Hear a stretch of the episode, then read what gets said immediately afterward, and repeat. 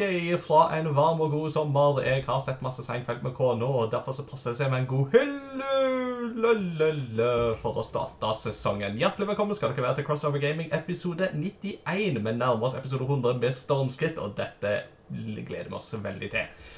Jeg er Ingar Takanoppi Hauge, sitter i eh, nytt heimestudio eh, beste Oslo øst, så hvis lyden høres litt rar ut i denne episoden, så er det grunnen til det. Men jeg er ikke alene. I eh, Kristiansand, fra Le Garage, så sitter godeste Mats Jakob Nesmann Hola! med ny caps og greier. Det er stas, det er stas. Og vi er ikke alene, for eh, vi har faktisk fått med oss en eh, gjest denne gangen som eh, du, Mads Jakob, har uh, ivra for å få med. Og dette tror jeg blir et veldig godt tilskudd til samtalen i dagens episode. Mine damer og herrer, ta vel jo godt imot Thomas Jones! Velkommen skal du være. Tusen takk skal du ha. Koselig. Koselig å være Ja. her. Ja, Jeg, har da tatt over for ditt uh, gamle område, Sinsen. forstår jeg i stad. Så live fra hjemmestudio er i Sinsen. Nice. Det, det har vi kjørt i ganske mange episoder uh, i podkasten, så det, det er godt at den tradisjonen kan vare i minst én episode til. Så det er veldig bra. Velkommen skal du være, Thomas. Eh, For eh, de som ikke kjenner deg så godt, meg sjøl inkludert, hvem er du? Ja. um, kommer litt an på um, Kommer litt an på hvem som spør, men ehm, jeg kjenner jo da Mats Jakob fra Vi studerte musikk sammen for godt over ti år siden. Eh, holder jo på med musikk til vanlig. Det er min jobb. Jeg er musikkprodusent. Jobber mest med rappere, R&B-sangere, noe pop. Um, så det er min, det jeg gjør på en måte by day, egentlig and night. Uh, og så er jeg veldig glad i spill. da. Uh, der har jeg og Mats Jakob har jo både egentlig spilt musikk sammen og gama sammen. Så det var litt sånn Nice. der vi vi hadde også en liten tradisjon en periode da, med at vi skulle Litt sånn inspirert av Happy Console Gamer, hvor vi da hadde retrospill julaften, eh, gaveutveksling, da. Så ja, og holder fortsatt litt på med litt grann samling. Spiller kanskje mest Switch og sånn. Men eh, følger eh, fortsatt masse med på youtubere og retrospill-content generelt, da. Nice. nice. Og um, i den forbindelse så passer det jo å plugge at uh, vår uh, spin-off-podkast er jo Retrospellauget. Der vi jo uh, blir jo enige i uh, vår Discord-server om um, hva spill vi skal spille sammen. Og så møtes vi en gang i veka og utveksler erfaringer, og så tar vi opp episode til slutt. Så du får ta oss og sjekke ut uh, når uh, vi er ferdige i kveld, så får du se om det er noe der som Det jeg, har, det har jeg allerede gjort. Jeg har kost meg med Day of the Tentacle-episoden allerede i dag. Ja. Så Yeah. jeg kommer til å sjekke ut mer. Jeg har også hørt en del på um, Crossover Gaming tidligere. Syns det er uh, stas. Sweet, sweet. Og så påsto jo Mats Jakob her i stad at du er jo den direkte årsaken til at han begynte å samle på spill. ja, Det var faktisk nytt for meg, fordi at jeg husker jo at um, han samla vel på spill før jeg gjorde det. For da vi gikk på Staffel sammen, så hadde jo du din gamle Hadde ikke du din gamle eh, GameCube eller eh, noe sånt noe Jo, men eh, eh, jeg har Frem til du begynte å kjøpe spill, så Ja. hadde jo jeg bare det jeg alltid har hatt. Jeg hadde jo bare min barndoms GameCube, min barndoms 64. Og så besøkte jeg deg når du bodde i Kristiansand og jeg bodde i Oslo. Så besøkte jeg deg, og så uh, kom jeg opp til deg, så du bare Ja, jeg har begynt å samle på spill, og du hadde kjøpt modda NES på eBay, og Og så, og så starta da samlinga mi med at du ga meg en pose med Sega Loose Carts og sa 'Jeg trenger ikke disse. Du kan gi meg 100 spenn.' Og så Ja, ja, Da, ja! da var jeg i gang. Det hadde jeg søren meg glemt. Ja, ok, Så det, det er jo Så litt det. stas å få æren for det, da. Men Det ja. du, det, det skal du ha. Ja. Det har på en måte vært en, nice. en glede og en økonomisk last i livet mitt uh, Ja, ja, siden den dag. Altså, ja, jeg kan jo røpe sånn sett at etter jeg fikk samboer og Nå har jeg jo et studio som ligger i Sandvika, da hvor jeg er mye, men da har jeg jo endt opp med å bare flytte mer og mer ting dit. da Ja. Så jeg har jo min Megadrive Collection der, min Nes Collection og litt sånn forskjellig. Så det blir jo liksom nesten mer mancave enn en enn studio etter hvert. Sånn, sånn anslagsvis, hvor mange spill tror du vi snakker her? Eh, oh, Det er faktisk godt spørsmål, altså. Um, totalt med alle liksom systems så tipper jeg sikkert uh, Det må jo være en plass mellom 200 og 400 hvis jeg skal være uh, sannsynlig. Ja, hvis jeg skal liksom Det som jeg må skyte inn, da, som er den store forskjellen på meg og Thomas, er at uh, Thomas er litt sånn fyr som uh, finner ut at 'dette spillet jeg ville ha', gjør litt sånn god research, 'dette spillet vet jeg, tror jeg er bra', og kjøper complete in box, gjerne fin stand. Men så er jeg sånn oh, det spillet er så gøy', som jeg viste deg nettopp. Her er en, en, en slakta uh, utleieutgave av Johnny Bazooka Tone på PlayStation 1. Og den, had, den, den hadde ikke flydd i Thomas' sin samling, for den måtte ha vært complete in box. Sant? Og Thomas er jo den eneste jeg kjenner som eier uh, det uh, The Elusive Game Snatcher på Sega CD. Og du kjøpte det jo for Mm. tolv år siden, og har likevel punga ut. Men det er jo ikke Det er jo, det er jo gratis Altså, i dag, men uh... Ja, det er, jo en av de, det er jo en av de spillene som jeg har sagt til dama. Den, den, skal, den skal være i stua. Så det har jeg fått lov til. da Så jeg har, uh, har en, et par hyller der da som uh, jeg har liksom satt opp the, My Pride Possessions. Så den ga jeg vel Jeg tror jeg kjøpte den for kanskje 1200 kroner på eBay eller noe. Med da denne Justifier Lightgun, da. Um, så det var ikke dårlig kjøp, det. Og den går jo for Jeg vet ikke hva den går for, men jeg ser jo Buy It Now i hvert fall på eBay for uh, mellom 7000 og 9000. Er det folk skal skal ha for den nå? Ja, det er takk og lov for det. Eh, det er takk til dere for det. Det de pengene skal, tror jeg jeg sitter på en stund til heller og bruker på andre ting i Ja, stedet. du, du, har jo, du har jo fått min bootleg mega-CD-versjon, da, Ingar, så du kan spille Mm. det. Og jeg har det fortsatt. Det skal spilles. Jeg har ikke kommet så langt. Ja, du har ikke spilt eh, Oi, oi, oi. Det der burde Men dere det- nesten gjøre retrospillauget på. Den spillet der. Det, absolutt. Det hadde vært et- en idé. Så er det jo bare det å få tak i det spillet på en greit og lovlig vis, da, som jo er liksom den store utfordringa. Ja. Interessant nok, det kommer vi tilbake til i nyhetssegmentet. Men øh, hvis du, Thomas, skal komme med liksom dine topp tre spill Tre spill som du vil si på en måte at disse tre de definerer på en måte litt din spillsmak. og sånn, Hvis folk vil vite litt sånn omtrentlig hvor du ligger, så er det de tre spillene. Okay. Hva vil du trekke fram da? Ok, så jeg fikk litt tid eh, før vi skulle starte her.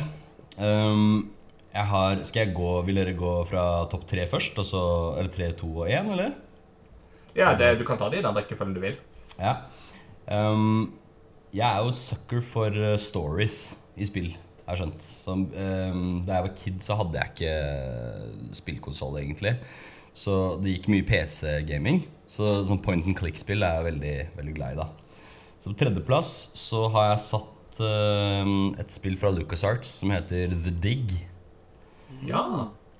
Som er litt, uh, litt undervurdert, vil jeg si. For at det, det skiller seg ut at det har ikke noe særlig humor sammenlignet med veldig mange av de største titlene, som Dave the Tentacle og Sam Max og Monkey Island, ikke minst. Mm. Eh, Det var et spill jeg brukte veldig mye tid på og satt veldig mye fast i, men som fanga meg veldig. da. Det var Fantastisk soundtrack. Um, skulle egentlig bli en film av Steven, eh, Steven Spielberg. Stemmer det. Mm. Og så ble det bare et spill, da. Men det, er, eh, det syns jeg var veldig fint.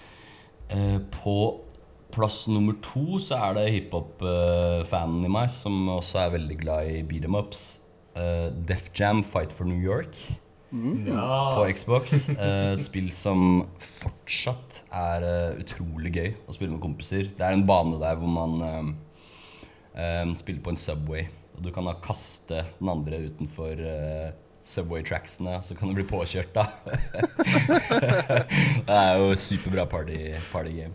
Øh, Uh, det er et konsept som burde hatt en oppfølger snart, altså. Ja, det har jo gått veldig mye rykter om det. Um, men jeg tror at litt av grunnen til at det gikk så bra på den tiden, var fordi at uh, på den tiden så hadde jo Def Jam, som er et plateselskap, de hadde veldig mange av de største rapperne i USA. Um, så de hadde på en måte den muligheten til å Altså de hadde tilgang til så mange artister som de kunne ha med i spillet. Og så tror jeg veldig mange artister ikke ble informert om uh, hvor mye penger de kunne ha tjent på det. Hvor mye de kunne ha krevd. Så jeg tror det er veldig vanskelig å få til i dag, men uh, tro meg, jeg uh, som, som Nei, jeg kan ikke si det faktisk, for det er ikke innafor. Men du vet, Mats Jakob, hva Pete Dore hadde sagt? Ja. I'll be in line for that, kan jeg si da. Eh, også på uh, nummer én på lista, det er um, Kunne vært Snatcher, men et annet spill som uh, bare Ingenting som slår. Det er Metal Gear Solid 1 på uh, Ja. PlayStation 1. Det er Nice. fortsatt Treffer meg like bra hver gang jeg spiller det, liksom. Fantastisk stemning, soundtrack, story. Ja. Ti av ti.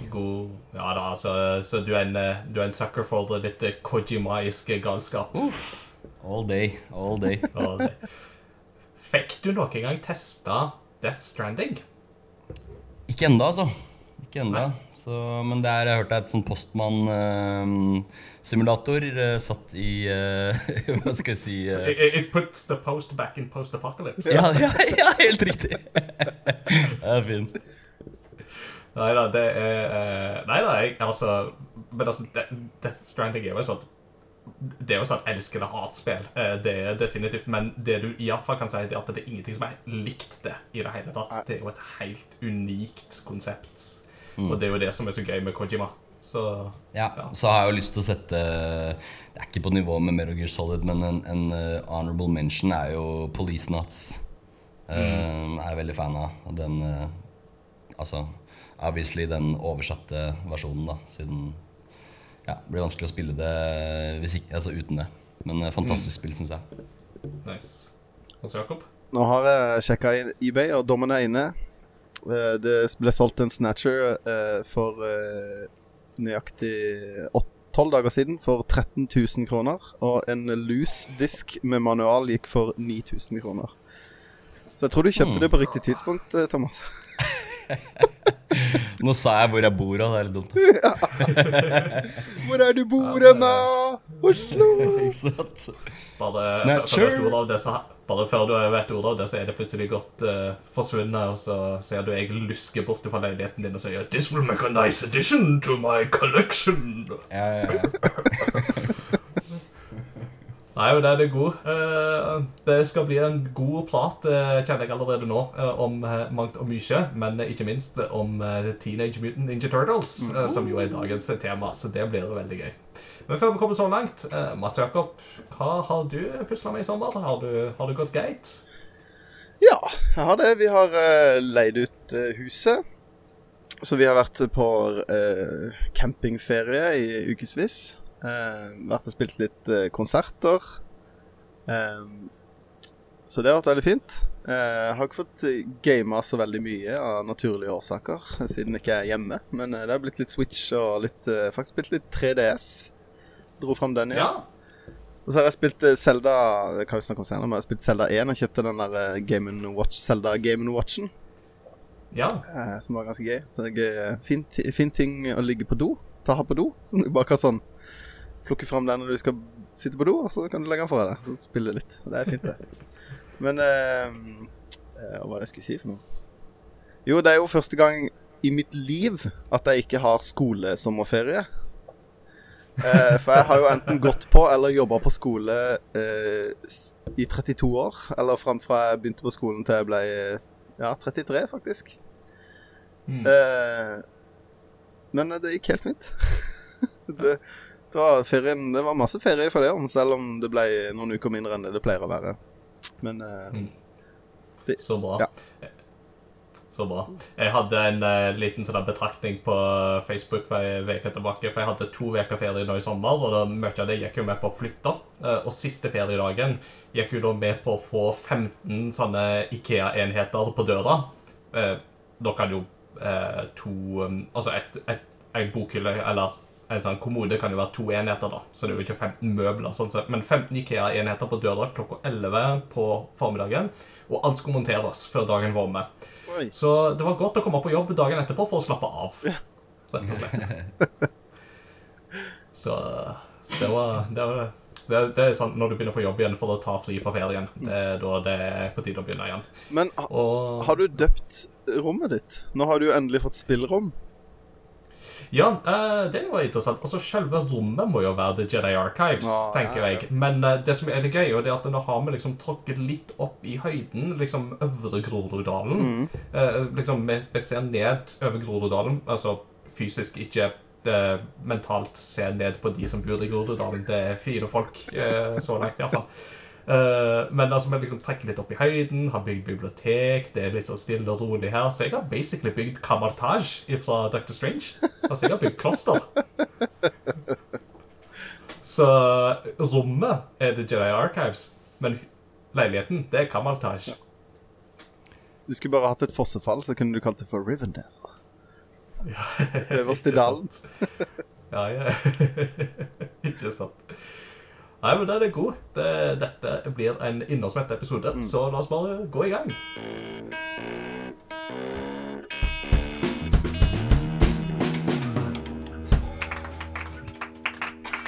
Ja. Eh, himmelsk lyd fra ungdommene. Eh, nå er det ukens kunngjøringer. De som vil vite alt som har skjedd av spillnyheter eh, den, eh, i løpet av sommeren, de må gå annet sted hen. Så mye kan vi ikke ta for oss. Nå er det et par måneder siden sist. Men uh, det er et par sånne highlights fra de siste par ukene tenkte jeg å ta med. Og vi begynner i filmens verden. For det ryktes nå at eh, Bandai Namco har gått sammen med Wayfair Studios for å lage en live action-film basert på Pac-Man. Av alle ting.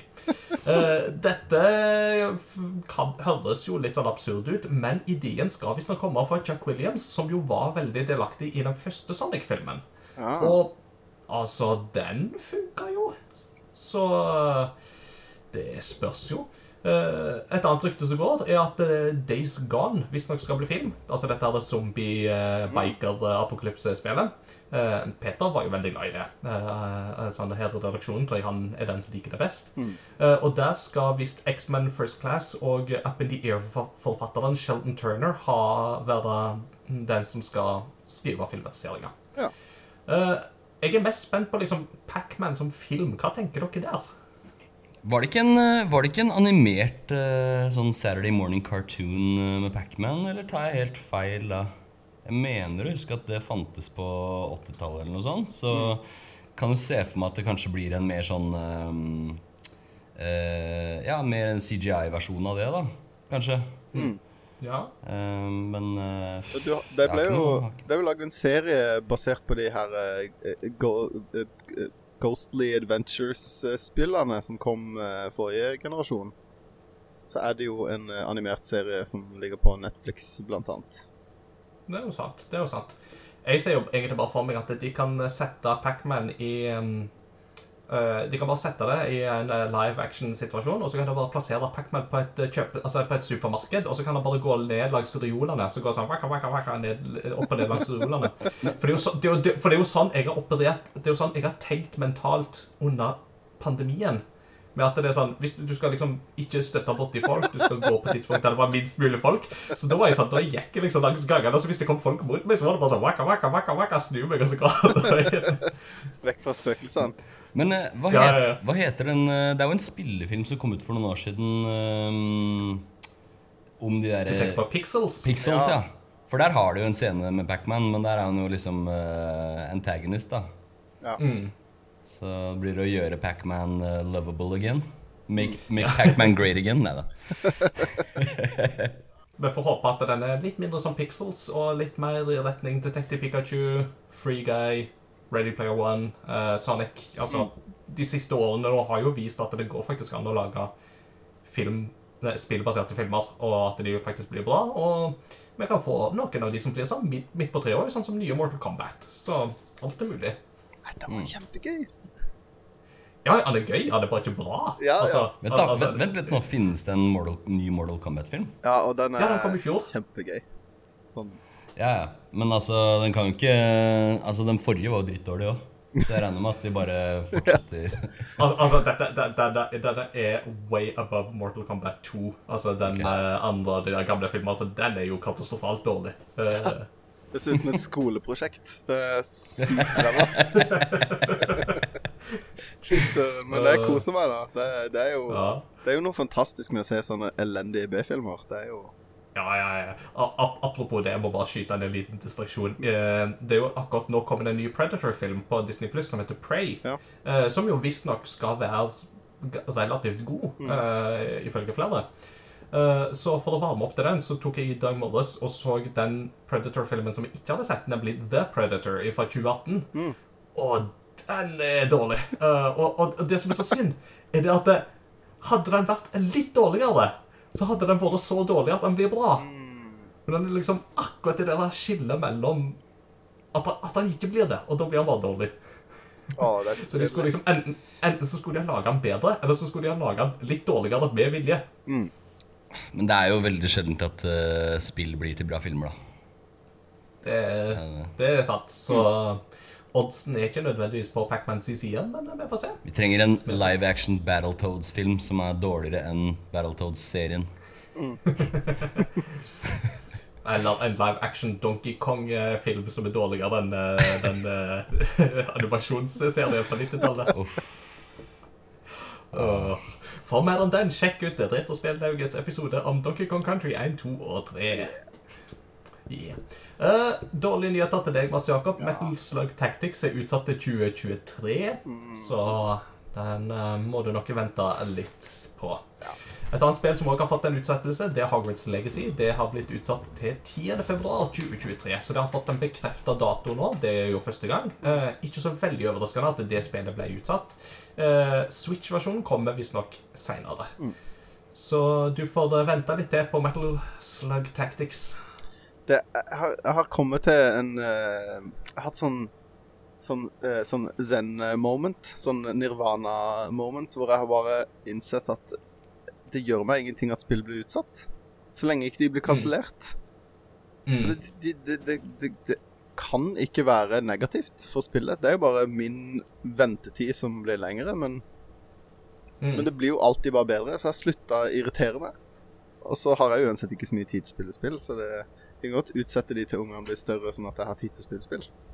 Så hvis de kan utsette Metal Slug Tactics til liksom 2043, så har jeg tid til å spille det. Det er da, det er da eh, HD-remaken kommer ut, da, sannsynligvis. Eller noe sånt. Et, um, et spill som derimot er blitt annonsert, og som jo er veldig gledelig, er jo da uh, Vikings on Trampolines, som jo da kommer fra Dpad Studios, skaperne av Owlboy. Eh, og dette er jo veldig gøy, for at Vikings on Trampolines har jo vært i en sånn der, eh, closed beta i hermetegn i ti års tid. Jeg har jo testa det på sånn spillmesser og sånt for sånn ti år tilbake, eller noe sånt. Dette er jo sånn partyprosjekt som de har jobba med kjempelenge. Eh, og så nå er de endelig klare for å bringe dette her ut i den store, åpne verden. Og det ser ut som de har bygd veldig mye på det, og det er jo veldig artig. Jeg husker jeg, jeg, husker jeg testa det på den første eh, Spill-Expo. Når jeg fikk se en sånn proof of concept-video fra Alboy. Mm. Er så lenge Da kunne du spille fire player eh, Vikings on Trampolines, men Owlboy var bare en video. Var vi der Ja. sammen da, Masaka? Kan det stemme? Det, det var først Ja, aller første året. Var det da de viste frem Wii U? Ja. For det husker jeg. jeg husker Vi satt, satt og snakka Det er jo en annen, histori eh, annen story, da, men vi satt og snakka i bilen om Wii U, og du bare Ja, men det, jeg tror det blir bra. Så sa jeg jeg syns ikke det var så bra. Nintendo-fanboyen holdt fast der. Altså, til mitt forsvar, Wii U er bra, men det, det ble jo ikke bra sånn kommersielt. Men, eh, Mm. men eh, jo, du hadde mer rett enn meg. Det skal du ha. Vi må ha en egen Wii U-episode en gang. Det hadde vært gøy. Åh, den, Åh. den ble kort. Eh, Og sånn apropos Og sånn Apropos Wii U og flytting og bibliotek og sånne ting, så kan jeg jo da bekrefte at hvis du har en sånn smal, høy Ikea-hylle, så kan du få plass til alle fysiske Wii U-spill som er gitt ut i Europa, i én sånn hylle. Ikke sant? Det kan jeg nå bekrefte. Eh, men uh, veldig morsomt med dette med Spillekspo, for at eh, her har vi tre vært på samme Spillekspo. Men uh, det var jo før jeg ble kjent med deg, Mats Jakob. Så vi må ha gått forbi hverandre og ikke visst hvem hverandre var. Det. For det var der jeg òg testa Vikings on Trampolines først. Ja, kult. Så Og det hadde jo vært veldig gøy å få med Dpad med på å snakke litt om det, hvis de har lyst til det. Så Joremi eller Simon, hvis dere hører på, dere er hjertelig velkommen. Bare ta kontakt, så har vi dere som gjester. Det, vi har jo Jeg fikk jo besøk av de på Du vet kontoret deres på Askøy, det er jo bare en kilometer fra barndomsheimen på Askøy. Ikke sant? Så det, naboer det er i Askøy-sammenheng, for å si det sånn. Det er ikke så mange som bor der. Eh, og så, eh, denne veka her, så har det vært en litt sånn interessant oppkjøp. fordi at eh, i Sverige så har du jo Embracer Group, som jo denne, dette er det selskapet som jo kjøper opp rubbel og bit av studier både her og der. Det er jo de som annet eier THQ Nordic. Eh, og denne veka her så gikk de inn på et sånn ganske stort oppkjøp. Og den største nyheten der er jo da det at de har kjøpt Middle Earth Enterprises. Selskapet som da eier praktisk talt alt av Tolkien-relatert materiale. Eh, kjøpsummen har den, varierer litt. Noen sier 6 milliarder, noen sier 8 milliarder. Eh, men eh, i praksis så betyr det at de eier nå så å si alt som er relatert til The Hobbit og The Lord of the Rings. Mm. inkludert lisensen til å lage spill. Eh, Det interessante her er jo det at eh, forrige veke, eller i starten av veka, så annonserte jo eh, 2K at de jobber sammen med Weta Workshop om å lage et Lord of the Rings-spill. Så det spillet vil nok holde oss utenom, men som bortsett fra det så har nå Embracer Group rettighetene til å lage en hel del Ringenes herre-relaterte produkt. Eh, I samme slengen så har de òg faktisk kjøpt Limited Run Games, så eier nå de. Wow. Eh, og da er jo spørsmålet Vil vi nå endelig få HD-remakes av eh, To tårn og Atter den kongespillene? Eller Battle for Middle Åh, Earth? ja, spilte mye to tårn ass på Xbox, husker jeg. Ja, det, er, Det var kult, ass. Mm. Det, det er gode lisensspill, faktisk. Det er kjempegode lisensspill. Mm. Uh, og uh, Battle for Middle Earth hadde ikke vært feil å fått et nytt innslag av, altså. Mm. Eh, og så eh, til retrofolket, så er det jo en eh, gledelig nyhet. og Det er jo da at Mr. Gimmick, et annet sånt spill som jo gjerne har casha inn masse høye priser opp gjennom på eBay og den slags, får nå en nylansering. Og det kommer til Switch, PlayStation, Xbox og PC. Og det er jo veldig interessant, for at Mr. Gimmick, eller Gimmick som det jo bare heter i Japan, er jo et spill som er gitt ut i Japan og Skandinavia. Det er jo ikke gitt ut i resten av Europa, og det er jo ikke gitt ut i USA. Det som er litt Men er det en HD-remake, eller? Nei, det er ikke HD-remake, men har de gjort noe med det, annet enn at det bare er tilgjengelig nå? det, det skal egentlig bare være tilgjengelig med at det har noen sånne spole tilbake-funksjoner Ja. og litt sånne ting hvis du vil det. Og så tror jeg kanskje det er noe sånn time trials eller noe sånt, men kjernespillet vil fortsatt være det samme. Ja, fordi jeg har også en liten replikk der, eh, og det ser jeg Mats Jakob uh, Ja, bare kjør- signalisere. kjør på, kjør på. Fordi jeg mener å huske ganske sikkert at uh, Mr. Gimmick var tilgjengelig på Wii Store. Ja. Eh, eShop. Jeg tror til og med jeg har det på min Wii. Um, for de hadde faktisk et sykt bra bibliotek der med Neo Geo-spill og um, gamle NES-titler. TurboGrafx. Ja, TurboGra ja. Det er utrolig Ikke for å gjøre en stor digresjon, men det er jo litt rart at de gjorde det på Wii, og så plutselig så går de tilbake på det når Switch kommer og alt det andre. Ja, det er trist at denne virtual console-tjenesten til Wii er lagt ned, altså, for det var så mye gull der. Sega Mega Drive Mini 2 er nå bekrefta kommer til Europa òg. Den har jo vært bekrefta for USA og Japan tidligere. Og Europa har vært litt sånn ja, men nå kommer den til Europa. Og konsollen skal da skimte med hele 60 spill, hvorav 12 av de er Mega CD-spill. Men her kommer vi jo da inn på den Snatcher-integrasjonen som jeg nevnte tidligere. Og det er jo at Snatcher ikke er en del av den pakka. Og hvordan er det mulig, lurer jeg på. Altså, jeg, jeg er bare glad for det, på en måte. For det er jo, det er jo en stas for meg som har spillet. Men uh, Ja, hvorfor det? Konami hater jo alle, føler jeg. Så de Det, i det var ikke NFT-løsninger på Nei, de, de holder jo bare på med sånn derre Hva er det det heter igjen? Sånn derre gambling og NF, NFT og krypto og pachinko og treningssenter. Det er liksom Treningssenter, ja. Ok. Ja, så da ja.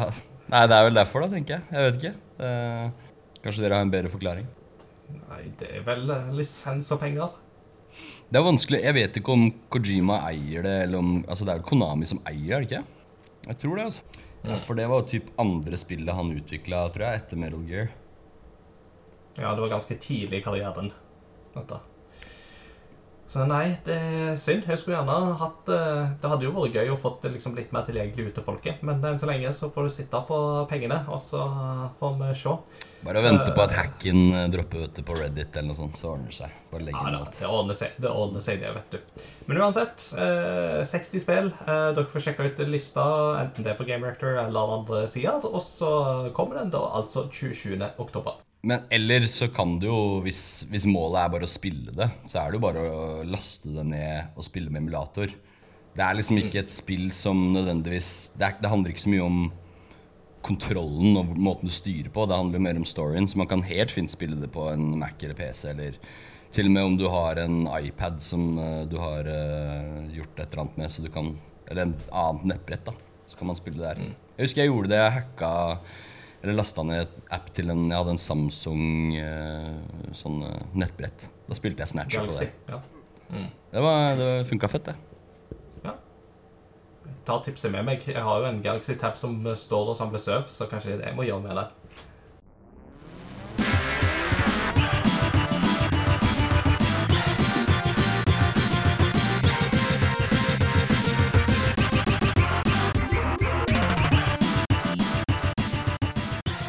Ja, Jeg nevnte jo innledningsvis at uh, jeg har sett en del Seinfeld med kona i løpet av sommeren, og da passer det jo bra å innlede temadelen med å si What's the deal with Teenage Mutant Ninja Turtles? Så det er det vi skal snakke om i temadelen i dag. Turtles har jo plutselig blitt brennaktuelt igjen med et uh, fantastisk spill som kommer rett før sommeren, som heter Shredders Revenge. Og nå, i slutten av denne måneden, så kommer jo Teenage Mutant Ninja Turtles The Cowabunga Bundle uh, ut på diverse plattformer. Uh, og ja eh, og når sant skal sies, så er ikke jeg den rette mannen til å snakke om Turtles. For mitt forhold der er litt sånn overfladisk. Men det er der vi har to veldig kompetente folk med oss nå til å snakke om uh, Turtles. Uh, Mats Jakob, vi har jo nevnt det før, men uh, du er jo tross alt mannen som har en liten grønn kasse-TV med Turtles-motiv på, så Jeg er misunnelig på deg der, altså. Jeg ser ikke livet. Jeg er fornøyd med den. Nå er det jo faktisk eh, eh, Mr. Fonneland, Chris Lake, som har den eh, TV-en hjemme hos seg. Oi, oi, oi, oi, oi. Det er tillitserklæring å låne den vekk. Ja, jeg har ikke plass til den. Jeg har ikke, jeg har ikke plass til noe mer. Det, det tyter jo i sprekkene. Men uh, eh, ja, nei Turtles, ja, det er jo Det er jo min barndom. Det er jo kanskje ikke Det var kanskje ikke så mye Turtles i Japan, eh, Ingar. Altså, Jeg husker at det, det var noen sånne videokassetter som vi kunne leie på videosjappa. Ja, vi hadde faktisk videosjappa. Eh, og jeg husker at det var noen som hadde noe sånn Turtles-greier, men det var litt sånn perifert, det der. Så Ja. eh, jeg, jeg har liksom et veldig sånn Mitt forhold til Turtles, bare for å rydde det av veien, det er faktisk det tredje spillet på Famicom. Altså Manhattan Oi! The Manhattan Project, ja. Mm. Ja, Manhattan Project, ja. Så det har jeg et sånn veldig varmt og godt forhold til. For jeg husker at vi lånte, og at det var blodig vanskelig, men at det var veldig veldig gøy, og at vi kom langt, og at jeg syntes det var gøyest å spille som Rafael med sine size og sånne Ja, det, ting. Men det, var, eh, det var interessant at du nevner det, for det er jo sånn for min del Jeg har de fleste sånn must have uh, Turtles-spillene, men det spillet har jeg ikke, og jeg har aldri spilt det heller. Um, jeg, var på, uh, jeg var i New York nå i april. Da var jeg på Video Games New York, og de hadde det loose cart. Så jeg var veldig nær å kjøpe det. Um, men jeg gjorde ikke det, men det kommer jeg til å gjøre, tror jeg. Og jeg vil heller spille det på NES-en da, enn å spille det på Switch. For det, der har jeg gått glipp av noe. Du kan jo gjette hvor jeg kjøpte min Manhattan Project av Jersey. På Manhattan? Nei, jeg kjøpte han Video Games New York. Ja, er ikke det på Manhattan, da? Jo, nei, det, jo, jo, jo. Men Ja. eh, jeg, jeg, kjøpte, jeg kjøpte det der du ikke kjøpte det. Stemmer, så sykt. Ja, det er jo Wow. veldig bra. Jeg kjøpte, jeg kjøpte ett spill, og det var det. Men, nice. Men, men eh, når du var der, da, brukte du den derre um, eh, Den derre pizza One free pizza-leafleten som lå i spillet, til å få deg en pizza, eller? Nei, jeg kjøpte loose cart. Altså, Jeg tror ikke det hadde funka lenger. Men jeg så en kar på YouTube som gjorde det. Um, Han kaller seg Pause the 90s. Uh, og det er et sånn viral klipp da, at han, han har med seg uh, Turtles 1-filmen på VHS. Som er uåpna, sealed. Så tar han ut Tar han ut den derre voucheren da hvor du får gratis Pizza Pizza Hut eh, pizza. Så går, han inn, så går han inn på Pizza Hut i sånn bodybukser og sånn full 90s-outfit. Bare ja, ja, I'm, Yes. a, I'm a time traveler, liksom. Så jeg bare sånn Yeah, sure, we'll give it to you. Så får han gratis pizza. Skaper er innsatsen, liksom. Her er en pizza. Åh, det er så bra. Det er så bra. Det skal jo nevnes i den forbindelse, så er det jo Limited Run Games, eh, som jeg jo nevnte tidligere. De skal jo gi ut um, Shredders Revenge nå fysisk. Og i noen av disse her utgavene som du kan kjøpe, så er det jo da uh, Hvis du kjøper litt sånn big box, så er den forma som en VHS-kassett. Og ja, da er det en sånn kupong inni. Ja! Den er gyldig òg, er den ikke det? Jo, jeg tror det. Jo, jo. Det er en gyldig Pizza Hut-kupong. Så yeah. Så altså, så jeg er ikke rette mann til å snakke om Turtles, men altså, Mads Jakob, for, Ja. for å ta liksom Du, du pitcha jo litt at dette er jo en liten del av din barndom, så hva er Ja. liksom din historie med Teenage Mutant Ninja Turtles? Eller TMNT, tror jeg vi bare må si, for det blir veldig tungt hvis jeg skal si Teenage Mutant Ninja Turtles hver bidige gang. Uh, Eventuelt bare Turtles. Eventuelt Hero, Hero Turtles, som det heter i Norge. Ja, men altså- tenkt Når, når du sier det nå Jeg snakka med en, eh, en, fa, en annen far i klassen til sønnen min. Og så kom det jo fram at, eh, at eh, Ja, jeg har jo masse spill. Og han bare Å, har du Teenage Mutant Hero Turtles? Og han genuint kalte det for Hero Turtles. Jeg synes det var sykt vittig. Men det, står, det er jo det det står på spillet, liksom. Jeg bare Ja, ja, ja. ja. Så det Han kalte det for Hero Turtles. Eh, Nei, altså det, For meg var det at eh, jeg gikk i barnehage med en del gutter som hadde eldre brødre. Og Turtles er jo egentlig en sånn 80-tallsting. Og så eh, gikk det i reprise på 90-tallet. Men de fortsatte, de solgte jo figurer til 96 eller 97, tror jeg, de siste eh, på en måte seriene med figurer. Hvis ikke det var enda seinere. Um, Sånn at eh, jeg hadde eh, venner som hadde Turtles-figurer fra brødrene sine. Og så Det var egentlig sånn jeg ble introdusert for det. Og så gikk det på barne-TV på morgenen, for vi var jo så heldige at vi hadde TV3. Det var jo ikke alle som hadde det. Og der gikk Turtles eh, på morgenen. Der var det jo så mye bra tegneserier. Turtles og Sonic-cartoonen er òg ganske sterk i minnet. Ja, virkelig. Eh, nei, så for meg var det var det det. Og jeg hadde ingen av spillene sjøl. Men jeg hadde en eh, nabo som hadde det første, eh, Hero Turtles-spillet. Og eh, eh, Ja, så jeg spilte egentlig bare det. Jeg hadde jo ikke Super Nintendo, men jeg har jo liksom skjønt eh, Jeg har jo skjønt etter hvert at veldig mange har et veldig kjært forhold til Turtles in Time, da, spesielt på Super Nintendo, som er jo et veldig bra spill. Og en av grunnene til at vi ville ha med deg, Thomas, på dette her, og du sa jo det sjøl, jeg vil være med og snakke om det, er jo fordi at de fleste Turtles-spill er jo beat em ups. Og det er jo virkelig Thomas sin store sjanger. Absolutt. Sånn at, det- og jeg er jo ikke så spesielt glad i beat em ups. Jeg syns det er litt repetitivt. Men med Turtles så blir det på en måte gøy fordi det er Turtles. Um, Virkelig. Jeg er helt enig. så det er liksom min uh, story. Thomas, har du en uh... Ja, altså, jeg er født uh, litt Jeg er vel født kanskje to år før deg, eller noe, Mads Jakob. Jeg er født i 87, Ja, du er to kan det stemme? Ja. Ja. Ja, ikke sant. Så ehm, Det er jo litt sant Det er jo sant som du sier at eh, det var liksom Jeg lurer på om det kanskje var i 87 eller noe sånt. Ja, at, eh, eller om det var, det var en plass i slutten av 80-tallet i hvert fall at Turtles kom. Men det holdt jo på helt til 1993, tror jeg. Den originale tegnefilmserien. Ja, Også, jeg tror den begynte i 87. Jeg tror det er helt riktig. ja, og så holdt det på Ting gikk jo seinere, før. Sånn at uh, veldig mye av det egentlig som jeg vokste opp av tegnefilm, var jo egentlig ting som kanskje min storebror hadde sett først. Som jeg er akkurat for ung til å liksom fått med meg He-Man skikkelig. Men fikk liksom med meg Ducktales og Snipp og Snapp og alt det der. Og Turtles var liksom Det var jo det kuleste på den tida da vi var kids. Det var liksom overalt på Altså, i lekebutikkene solgte de jo masse figurer. Det var superpopulært. Og eh, folk Det var veldig mange i nabolaget mitt og sånn som hadde Nintendo med Turtles og sånn. Original Nintendoen. Eh, jeg har vokst opp eh, uten Altså, vi hadde ikke kabel-TV. Vi hadde ikke Nintendo eller noe av det, så det er jo sikkert det som skapte dette monsteret her, da, eh, av en spillsamler. Men Så det var Nei, det var egentlig bare at folk rundt meg hadde det, og jeg syntes det var utrolig kult, da. Og så hadde vi Jeg er fra Hamar, da, og der har vi hatt eh, sånn um, tivoli en gang i året. Noe som heter Hamarmarten. Og er, jeg har aldri vært noe glad i, i liksom karuseller og sånne ting da jeg var liten, men de hadde sånn arcade, husker jeg. Ja. Og der hadde de Turtles Arcade-spillet, og det var jo helt vilt, liksom. Jeg bare Shit, jeg kunne ikke ha nok mynter til det greiene der. Så det var liksom Jeg tror bare det var noe med mm, looken og æretuden deres, og det gikk på TV, jeg så det hos kompiser, og Så det fanga meg veldig, da.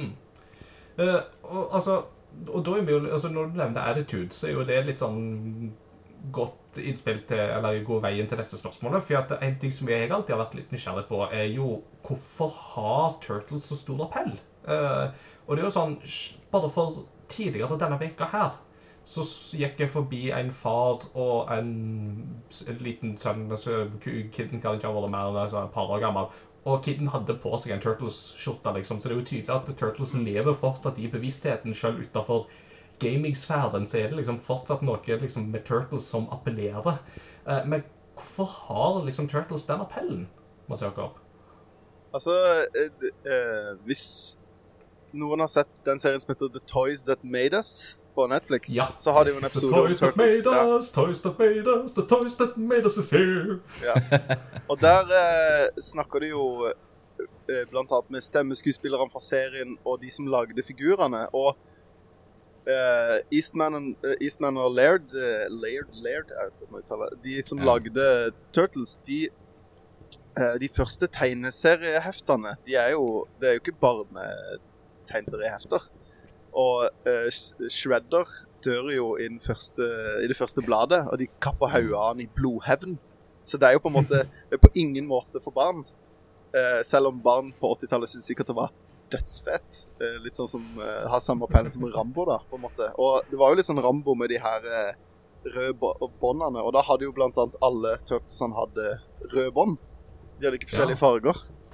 Det er det samme som, som Nintendo, første Nintendo-spillet. Ja. Det er jo det første- tatt fra det. Coveret er jo, for det første Nintendo-spillet er jo coveret på den første tegneserien. Ja. Det, er- det er jo identisk. Eh, men de lagde det jo for å appellere til barn, og det er jo veldig sånn Det er jo veldig nøye planlagt at de hadde jo fire erketyper, på en måte. Det er en litt sånn kødden, det er en smart, det er en uh, tøff, og det er en uh, Jeg vet ikke hva jeg skulle gå han siste Hva du ville klassifisert han siste som, da. Sånn at alle kunne på en måte kjenne seg igjen i de, for alle fant noe å kjenne seg igjen i figurene. Eh, Mm. Og serien er jo ganske goofy i utgangspunktet, og spesielt hvis du ser det på engelsk, så har de jo Der er de jo veldig sånn karikerte. Bebop og Rocksteady, jeg husker ikke hvem av de det er, men han, de sier jo konsekvent eh, Those damn toidos! Så de har liksom yeah. sånn skikkelig sånne New York, skikkelig Ja, New ja, New York eh, Ja. accent, accent, liksom. Ninja Ja, det er sånn!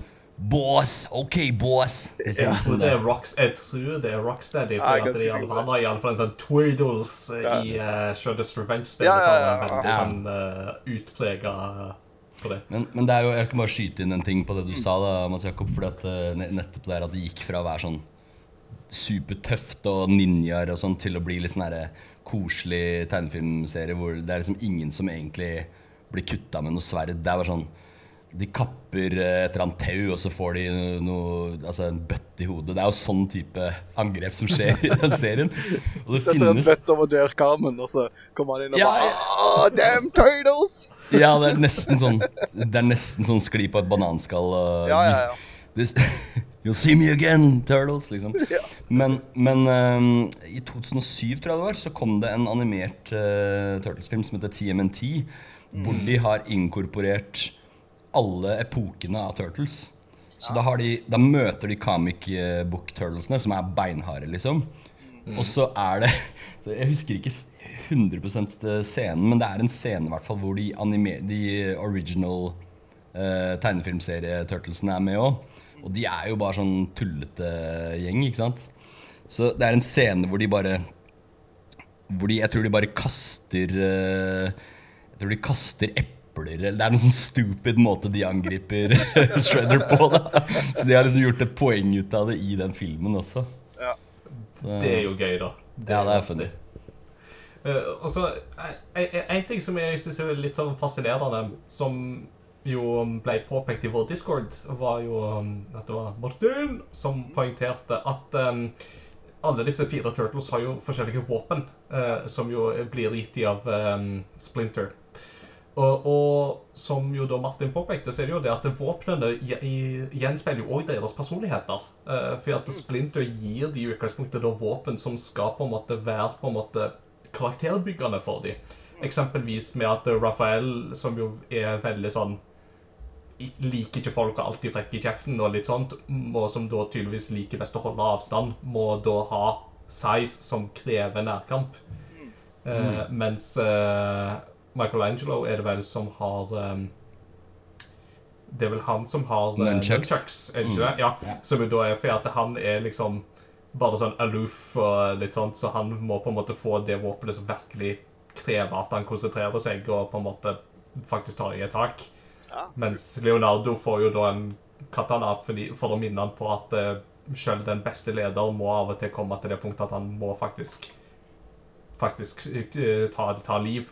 Det var, eh, ma det var sånn masteroppgaveanalyse av Turtles. Det likte jeg. Ja, ja, altså, som, som, som da ble uh, skjenka til meg fra Twitter. eh, eller av et skjermbilde fra Twitter. Så tydeligvis kan man skrive masteravhandlinger på 140 tegn. Eh, Ja. Jeg skjønner ikke hva jeg kaster bort tida mi på tida si på.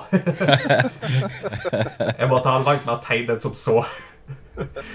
Så men, men jeg syns det var en sånn interessant betraktning, eh, som jo viser liksom litt av eh, på en måte at eh, ting i Turtles virker til å være veldig gjennomtenkt. At det er jo, selv om det er veldig sånn aloof og sånt, så er det absolutt noe i det da med, som du sier, forskjellige personligheter, og at eh, det blir en gjenspeiling i de som ser på. Eh, og så er det jo noe med at det, er jo bare navnet i seg sjøl òg er jo tøft. ikke sant? Altså Du har ninjas i navnet, ikke sant? Eller ikke i Europa, da. For uh, i Europa så ble spillene døpt om til Hero Turtles. ja. Uh, Tegneserie nå. jeg tror Alt Ja, jeg- det står det Mm. på, på uh, backing-cardet til, til actionfigurene. Så står det Hero Turtles. Mm. Og jeg tror faktisk, eh, Hvis jeg husker riktig, så tror jeg at en god, stor del av grunnen til det er faktisk Tyskland og, og tyske eh, retningslinjer. For at eh, i, i tysk, altså, Det er jo veldig variert. altså, Som jeg av og til har sagt, altså, USA og Tyskland er litt sånn kontrapunkt når det kommer til på en måte hva man tillater i den kulturelle sfæren og ikke. Ja. Eh, I USA så kan du på en måte nest, nesten kjøre på med så mye vold og våpen du bare vil, men hvis du viser en liten pupp, så er det liksom, da er det 18-årsgrense med en gang. Er Liksom, Veldig strengt. Mens i Tyskland så er det mer at eh, der kan du nesten kjøre holdt på å si, folk i bar overkropp uh, uansett, men eh, der er de mye mer restriktive på voldsdelen.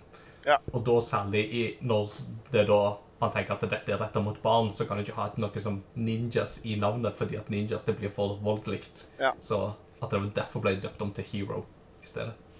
Ja, og jeg hørte en sånn om at, eh, at ninja i Europa generelt da, er, var iallfall på 80-90-tallet et veldig sånn negativt lada ord.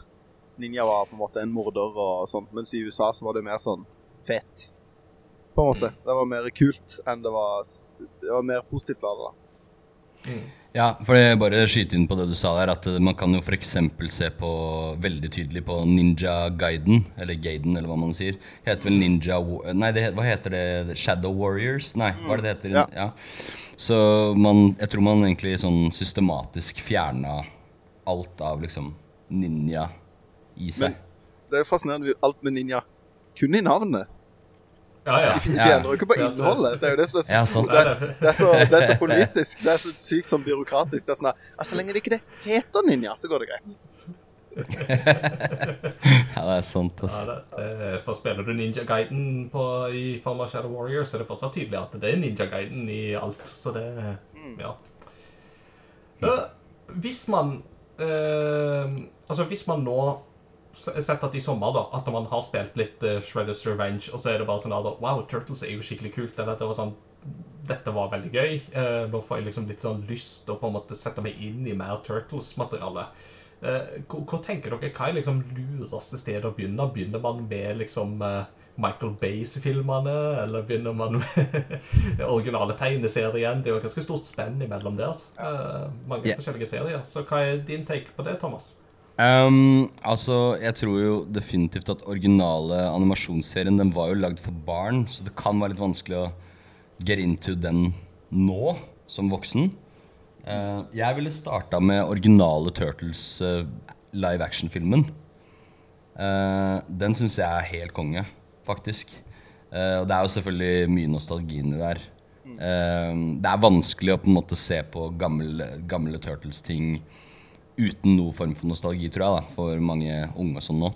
Men uh, den syns jeg er helt konge. Og den, den har på en måte litt av den råskapen fra uh, comic-boken. Ikke like drøyt, men uh, ja, den har noen scener som De endte jo opp med å, å Når de da skulle gjøre en oppfølger, så mm, ble det justert litt, for de syntes den første var litt for voldelig i forhold til den andre. Så jeg vil Det er si den der Return of Ooze, eller et eller annet sånt? Secret of the Ooze, ja. Um, Secret of the Ooze. Ehm, så ja, egentlig begge de to live action-filmene. Den tredje er helt forferdelig. Men uh, første og andre er, eh, det er den. Shogun-filmen, er det ikke det? Ja, hvor de hvor de er reiser i tid og noe greier. Og. Ja, de er i fødal Japan. Og. Gjett en av disse tre filmene jeg har sett trailer for mens jeg bodde i Japan. Det I var barndommen. Det var det var den siste. Som sikkert er hvorfor, så sikkert derfor du må Det er sikkert derfor du ikke vet så mye om Turtles som vi gjør. For det er den, det var inntrykket det fikk. Det var sånn, ja, det var igjen Turtles var veldig perifert, men det var Jeg vet ikke. Kanskje mine foreldre syntes det virka litt for voldelig. Jeg fikk jo ikke lov å se Dragon Ball heller, så Nei. Mye rart. Men ja, Mats Jakob, hva er dine takes på dette Turtles-spørsmålet? Ja, jeg, på, jeg er helt enig med deg, Thomas, eh, i det du sier. Men jeg tenker òg at eh, hvis du digger Shredders Revenge, så, så bygger jo det på 90-tallspakka, da. Sånn at hvis du syns eh, liksom karakterene er spennende eller humoren er gøy, så, så er det jo bare å Så går det jo an å begynne å bare sjekke ut serien. Eh, men jeg ville kanskje aller først begynt med enten Turtles Arcade eller uh, Turtles in Time. Eller Hyperstone Heist på, på, Mega, på Mega Drive. Som er jo på Det er jo ikke det samme Ingen av de tre spillene er helt like, men det er jo egentlig samme spillet, på en måte. Så det er egentlig bare eh, tre versjoner av samme spill som, uh, som byr på hvert sitt, da. Eh, Absolutt. Jeg vil, hvis jeg kan skyte inn igjen, for nå Mm. syns jeg du sier så mye bra ting. Ehm, det ene er altså hvis, eh, hvis du skal starte med gaming, helt enig, start med Turtles in Time. Mm. Hvis du kan, hvis du har muligheten, eller hvis du kjenner noen ja, Det er kanskje ikke så mange som har den, men Arcade OneUp ga ut en Turtles-maskin som har både Turtles Arcade og Turtles in Time. ah, fett. Den eh, har jeg i studioet mitt nå. Eh, den kan jeg bekrefte. Den er, eh, det er en sånn kul måte å starte på. Men det er Ja. kanskje ikke Ja, det er kanskje lurere å laste ned emulator eh, til Super Nintendo eller eventuelt kjøpe en kart. eller, eller gå for Cowabunga Bundle, som jo kommer nå i august. Og det som er interessant der, er jo at der kommer de jo til å inkludere ganske mange av de forskjellige utgavene av spillene som ble sluppet ganske parallelt. Og så er det jo 13 forskjellige spill som er inkludert i den pakka. Eh, inkludert liksom regionale forskjeller og konsollvarianter og sånt. Så de har jo definitivt gravd i kildematerialet der, syns jeg. Så det blir Ja. veldig kult å se hvordan den blir realisert i praksis. Ja. Eh, men eh, det er jo fortsatt sånn, eh, skjønner jeg, at det er Turtles in Time, altså det fjerde, eller det som heter TMNT 4 på Super Nintendo, er jo fortsatt anerkjent som på mange måter den hellige gralen for veldig mange, da. Ja. Uh, Og så har du jo på Shredders Revenge måten de em, introduserer hver level på. Det er jo tatt fra Turtles in Time. De har jo uh, Big Apple det er 3 Big Apple- PM Ja, har de her, og så er det, PM, ja. Mm, og så er det 3 AM i uh, Turtles in Time. det er fantastisk.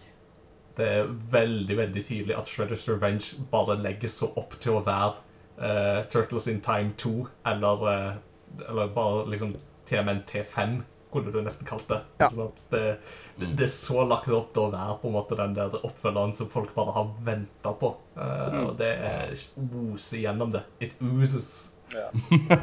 Det uh, Du, du nevnte jo tidligere at uh, Manhattan Project og du syntes det var så vanskelig. Og jeg hadde litt samme opplevelsen med uh, Turtles 2, The Arcade Game. Eh, helt fram til jeg spilte det med han som jeg fikk det av. Som han hadde det i banen. Nei, jeg fikk ikke spillet. Jeg fikk den tomme eska som lå i klesskapet hans på barndomsrommet. Og så hadde jeg spilt det, og jeg syntes liksom det tok så lang tid, de tok så mange hits, og det ble liksom gikk litt seint. Og så sa han sånn Ja, du må jo bare gjøre sånn. Og så trykker han liksom AB i en sånn sweeping uh, motion. Og da gjør han et sånn superspark som ikke tar noe liv, og ikke gjør noe. Jeg bare sånn Ah, easy mode. Så var det bare sånn, Da var det jo superlett. Eller ikke superlett, men da gjorde det at Fina tok ikke liksom åtte hits hver. Men eh, du kom deg liksom framover, da. For det, det er jo eh, en av de tingene jeg syns kan være litt kjipt med beat'em-ups, er at det går litt seint. Eh, og så kanskje spesielt Nå har ikke jeg spilt så mye Streets of Rage. Jeg jeg har spilt eh, Streets of Rage 4. Uh, men uh, du er jo veldig glad i er fantastisk. Det er ja, ja, ja. Begge dere to er glad i Streets of Rage, det vet jeg. Men uh, jeg spilt eh, Jeg spilte mer Final Fight, og det er, det er ganske slow, syns jeg, da. Final men, Fight eh, er litt slow. ja.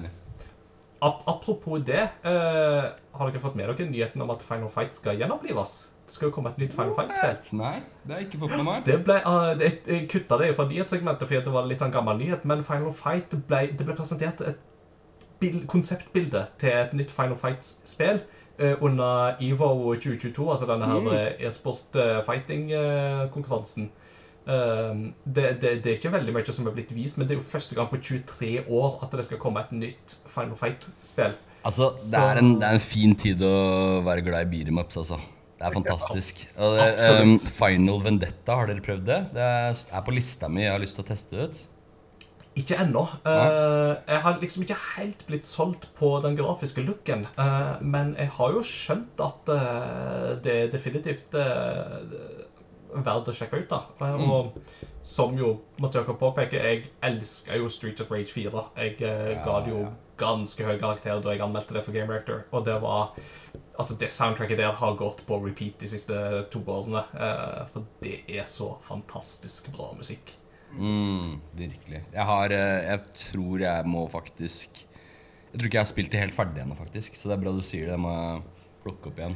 Det er vanskelig, men eh, det er vel verdt det. Mm. Eh, så ehm, Ja. Uh, men uh, Hvor var vi? vi, vi var med TMNT og snakket liksom litt om spillene. Eh, Men ja, Mats Jakob. Jeg kan jo si, altså, det, det er veldig få Turtles-spill jeg ikke vil anbefale. For I planen vår så står det jo 'hvilke spill vil du anbefale'. Nå har vi jo anbefalt masse spill. Eh, De spillene jeg kan anbefale folk å styre unna, det er jo for eksempel Teenage Mutant Ninja Turtles Tournament Fighters, som er et eh, 2D Street Streets Fighter-aktig slåssespill. Og det er Altså Jeg skjønte ikke når jeg spilte det, så skjønte jeg ikke hvorfor jeg ikke fikk til en eneste kombo. Og så gikk jeg inn og sjekka kombolista, og det er altså de lengste komboene. Det er sånn 16 inputs-komboer. Og det er jo bare helt sånn Åssen er det mulig, liksom? Det, det går ikke an. Mm. Eh, det var, det, og det var Super Nintendo-versjonen, eller? ja. Fordi hvis du virkelig skal ha en dårlig opplevelse, så skal du spille Megadrive-versjonen, for det er et annet spill som er enda dårligere. Og så har du en tredje det, det var det, Den siste er jo Det fins jo en eh, 8-bit Nintendo-versjon. Og det er jo virkelig eh, eh, Hva skal jeg si Rosinen i hundebæsjen. det, Og hvis jeg ikke tar feil, så er alle tre utgavene inkludert i Kawabanga Bundle. åh, ja, men da, Så- da kan du teste de, men de er jo så Så, dyre, um, og det er jo tullete. Koster masse penger, og så er det elendige spill. Jeg så at Thomas? Gamesack eh, la ut en eh, anmeldelse av alle Turtles-spillene som har kommet ut i dag. Ja. Faktisk, Så jeg faktisk så litt på det tidligere i dag. Eh, og jeg tror anledningen til uh, at de gjorde det, er at det nå er Jeg tror det var i dag eller i går, eller noe sånt, så er det 30 år siden Turtles in Time kom ut. Ah, Ja. Det kan jo stemme, det. Uh, For det var vel 92. Ja, begynner å bli gamle, Så kult. ja det var det. Sånn er det. sånn er det. Vi er gamle, men Turtles holder seg fortsatt unge og friske, noe som Turtles in Time har eh, vist. Og, og mm. jeg mener Shredders Revenge eh, har vist. Og hvis det gir mersmak, så er det bare å sjekke ut uh, Turtles in Time. Uh, rett og slett. I. Final comments? Ja, jeg har en liten uh, funny uh, ting å legge til her. Fordi nå de siste månedene så har jeg starta Jeg har uh, starta en ny jobb. Så jeg jobber nå hos noe som heter Iuno, som driver med dubbing av tegnefilmer Ja. i Norge. Så jeg har faktisk eh, vært litt med og spilt inn Altså jeg er da tekniker der og ikke dubber. Men jeg har eh, vært med og spilt inn den nye Turks-filmen. Som eh, kommer på Netflix. Rise of the TMNT-filmen. Så det er litt gøy. Så jeg har jobba både på traileren og på, på selve filmen. Artig. Så det er litt artig. Det føles litt sånn full circle uh, at det skjedde. Og så litt sånn side note. Uh, fått mulighet til å jobbe med bl.a. Uh, Trond Teigen, som var på Retrospillmessen nå. Han har jobbet en del med. Og masse andre sånn, folk som man kjenner igjen stemmen til uh, fra, fra barndommen. da Så det er litt, uh, litt gøy. Nå, nå vet ikke jeg om denne personen lever eller er død, men uh, du har ikke fått jobbe med Harald Mæhle ennå. Da tygger du midt i tygginga. Perfekt timing, Thomas. Veldig bra jobba. Herre. Men uh, uh, jeg har ikke fått til enda. Jeg håper veldig på det. Men han jobber på et annet uh, dubbingstudio. Jeg tror det fins fire dubbingstudioer i Oslo. Han jobber på det som heter SDI, som også er del av samme eh, eh, firma, kan du si, som er kjøpt opp av et koreansk firma. da. Eh, men eh, jeg håper veldig på å jobbe med han. Det hender at han er litt innom, tror jeg. Ja. Så um, han er, Men han er jo i 70-åra nå, så han er jo ikke sånn uh, superaktiv kar. Men eh, Da må du faen Ja. ta og signere Ta med VHS-kassetten av Denver The Dinosaur og faen til å signere den. Å, det hadde vært sykt. Det hadde vært sykt. Det, det hadde vært full circle, det.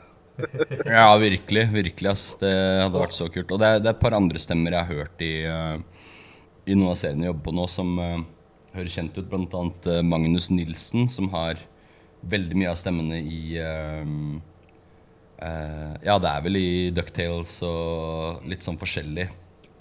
Så han håper jeg veldig på å jobbe med også. Det kommer nok sikkert til å skje. Så det er, det er artig. Fikk, eh, jeg, jeg husker jeg så eh, det, er veldig, det er jo alltid fascinerende når man får et ansikt på de der barndomsstemmene. Og jeg husker jeg så eh, Jeg husker ikke hvilket program det var, om det var Lindmo eller Skavlan eller en eller annen av de her norske talkshowene. Og så var eh, hun Mari Maurstad der. Ja. Og så, og så snakker og så plutselig så er jeg bare sånn Ja, for du har jo dubba litt. Og så dro hun fram Ole Dole Doffen, og jeg bare What?! Det er hun som er Ole Dole Doffen! Og jeg bare Nei, det er ikke mulig. Åh. Altså Hvis dere er interessert i syns sånn er gøy, så bør dere sjekke ut en podkast som heter Stemmen bak. Ja. Eh, og da, Det er eh, en som heter Erik, eh, Erik Skjøll. Han eh, var stemmen til Max i Langbein og Sønn. Han har fått mulighet til å jobbe med et par ganger. Han er jo fortsatt aktiv, og sånn, men han er jo voksen mann nå. Så han, han har annet intervjua henne og masse av de andre dubberne. Eh, ja, så det er vel bare sånn ja, det skal jeg sjekke ut. Det er jo en bra, bonus, eh, bra bonusanbefaling. Eh, Ja, absolutt. a- Apropos han som da eh, liksom bikker 70, så tenker jeg det at i dubbingens verden så er jo det ingen alder. Altså Alan Young kom jo tilbake for å gjøre Onkel Skrue i Ducktales remastered-spelet, og da var jo han passert 90. Altså Da var han 91 eller noe sånt. Det var jo noe av det siste han gjorde. Så altså Alder er ingen hindring, altså. Det, han var ikke så young som han hørtes ut som. eh, Nei. Til tross for navnet. Gamle mennesker Neida, er jo kjent for å være glad i å prate. Vi begynte med TMNT og endte opp i Ducktales, men det er sånn det går. Men uh, nå har jeg iallfall følt at jeg har fått veldig mye mer eh, TMNT-info. Og eh, for å si det sånn, det er for fansen er iallfall for fansen som er glad i spill, så er det jo en veldig god tid å være i akkurat nå. Så det er jo Altså, holdt på å si There's no time like the present. For å begynne med TMNT, tenker jo jeg da. Ja. Vi tar en uh, liten pause, og så kommer vi tilbake igjen i i del to. Og da blir det litt sånn oppsummering av sommeren, både fra lytterne og fra oss.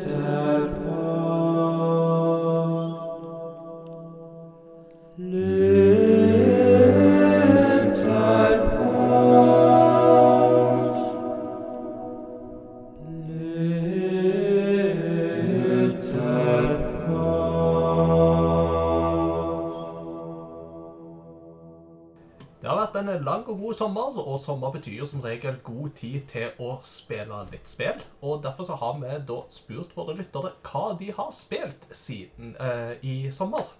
Siden i sommer. Det hørtes veldig bra ut. Hva har de spilt siden sist i sommer? var det jeg lurte på.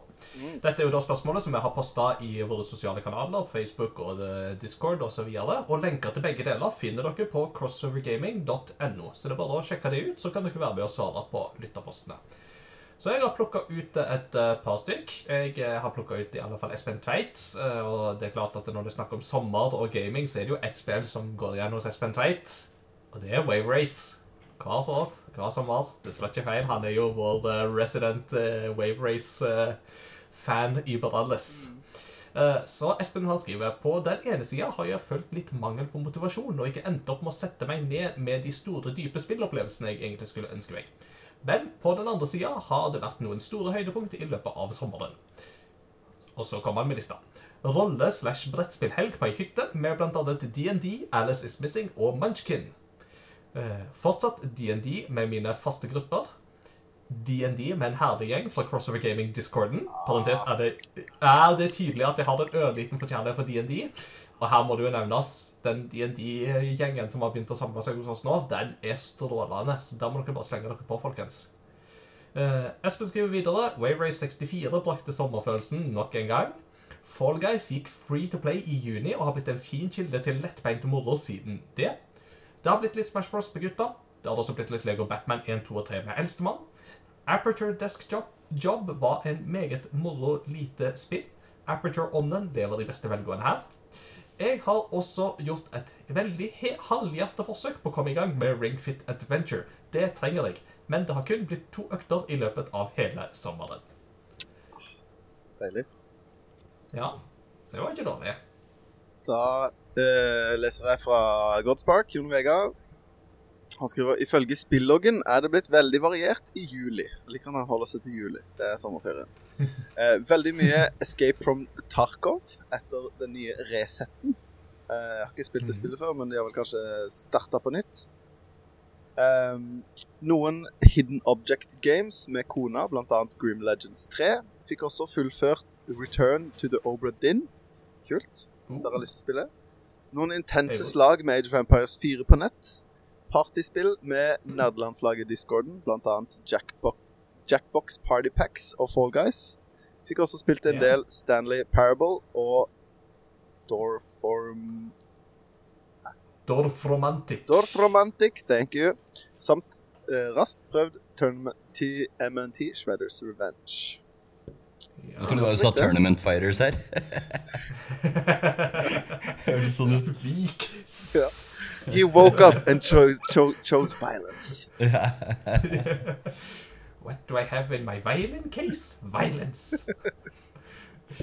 Uh, Scorpus Adrian han skriver Ja, hva har jeg spilt i sommerferien? Jo, på lik linje med de andre i, har jeg i Retrospellauget spilt Day of the Tentacle. Bare hørt på episoden før ferien. Man var jo med der, så det er jo det med seg. Jeg har også fått sjansen til å spille med Resident Evil Zero. Herlig og skremmende.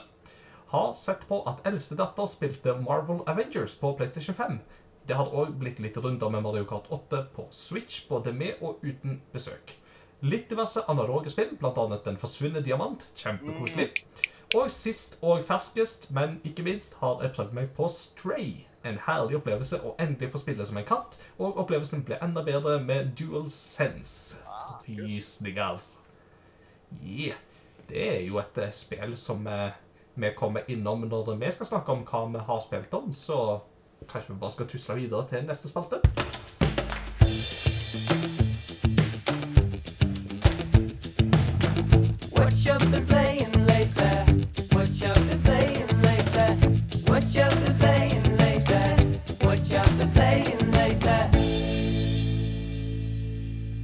Så nå tenker jeg at eh, gjesten må jo få lov å begynne å fortelle hva han har spilt siden sist. Og det er klart at uh, siden sist er jo et veldig bredt begrep når dette er din første gang, så du får lov å liksom sette det parameteret der uh, eh, sjøl. Uh, eh, så ta oss med på hva som har prega spillhverdagen din. Ja. Um, det har blitt mye Switch. Hvis jeg skal gå et godt stykke tilbake, så var det vel um, I slutten av i fjor, eller desember, så var jeg litt uheldig og havna eh, i eh, covid-isolasjon, håper jeg, med min samboer. Vi var og feiret jul der med hennes familie. Og da hadde jeg med meg Switchen. Så da spilte jeg veldig mye Spilte gjennom alle Sam Max-spillene. Ja. Så det var en skikkelig Sist gang jeg hadde en sånn skikkelig sånn uh, sett, Sånn uh, dykke dypt inn i et spill-opplevelse. så storkoste jeg meg med. Jeg var veldig fan av det originalspillet fra 90-tallet. Um, ellers så har jeg spilt uh, mye Skater XL, uh, som er liksom det beste alternativet til uh, mens man venter på Skate 4. fantastisk kult spill. Shredders Revenge, ikke minst, når det kom nå i sommer. Jeg spilte mye. og så har jeg egentlig vært, på, vært en del på Tilt også, her i byen. Så det har blitt, blitt en del Time Crisis 2 og Litt eh, Mario Kart Arcade. Arcade har jeg spilt en del med dame, faktisk. Det har vært sykt gøy. Nice. Eh, Nice. ja. Eh, mitt, mitt spørsmål da, Har du spilt dette her bordflippespillet som de har fått eh, på Tilt? Der, du bare, der bare hele kontrolleren er et sånt stort bord som du skal flippe i raseri? Er det i Nei, det har jeg ikke spilt. Er det i overetasjen? Det, det, jeg er litt usikker på hvor de har det, men de har jo visstnok fått det nå. Og det har jeg spilt i Akihabara i Tokyo, og det er så utrolig gøy. Ah. For det er sånne forskjellige sånne rare scenarioer. Du er liksom bruden i et sånt bryllup der alt bare går på og så blir du bare sitter og sitter og og så bare Bakaido! Og så flipper du bord. og så er det om å gjøre å få ting til å fyke lengst av med at du flipper bordet så hardt du kan. Nei, det, det skal Eh, testes, Og så er det det liksom faren som bare sitter hjemme, og ungene liksom bare etter jobb, og så prøver å lese aviser, og ungene bare sånn Ja, jeg glemte, glemte å nevne ett spill da, som jeg kjøpte da jeg var i New York. Så kjøpte jeg uh, Jay and Silent Bob sitt uh, beat em up-spill til uh, Switch. Det er, ikke helt, det er ikke amazing, men eh, jeg syns det var kult. Det ligner litt på River City Ransom i look.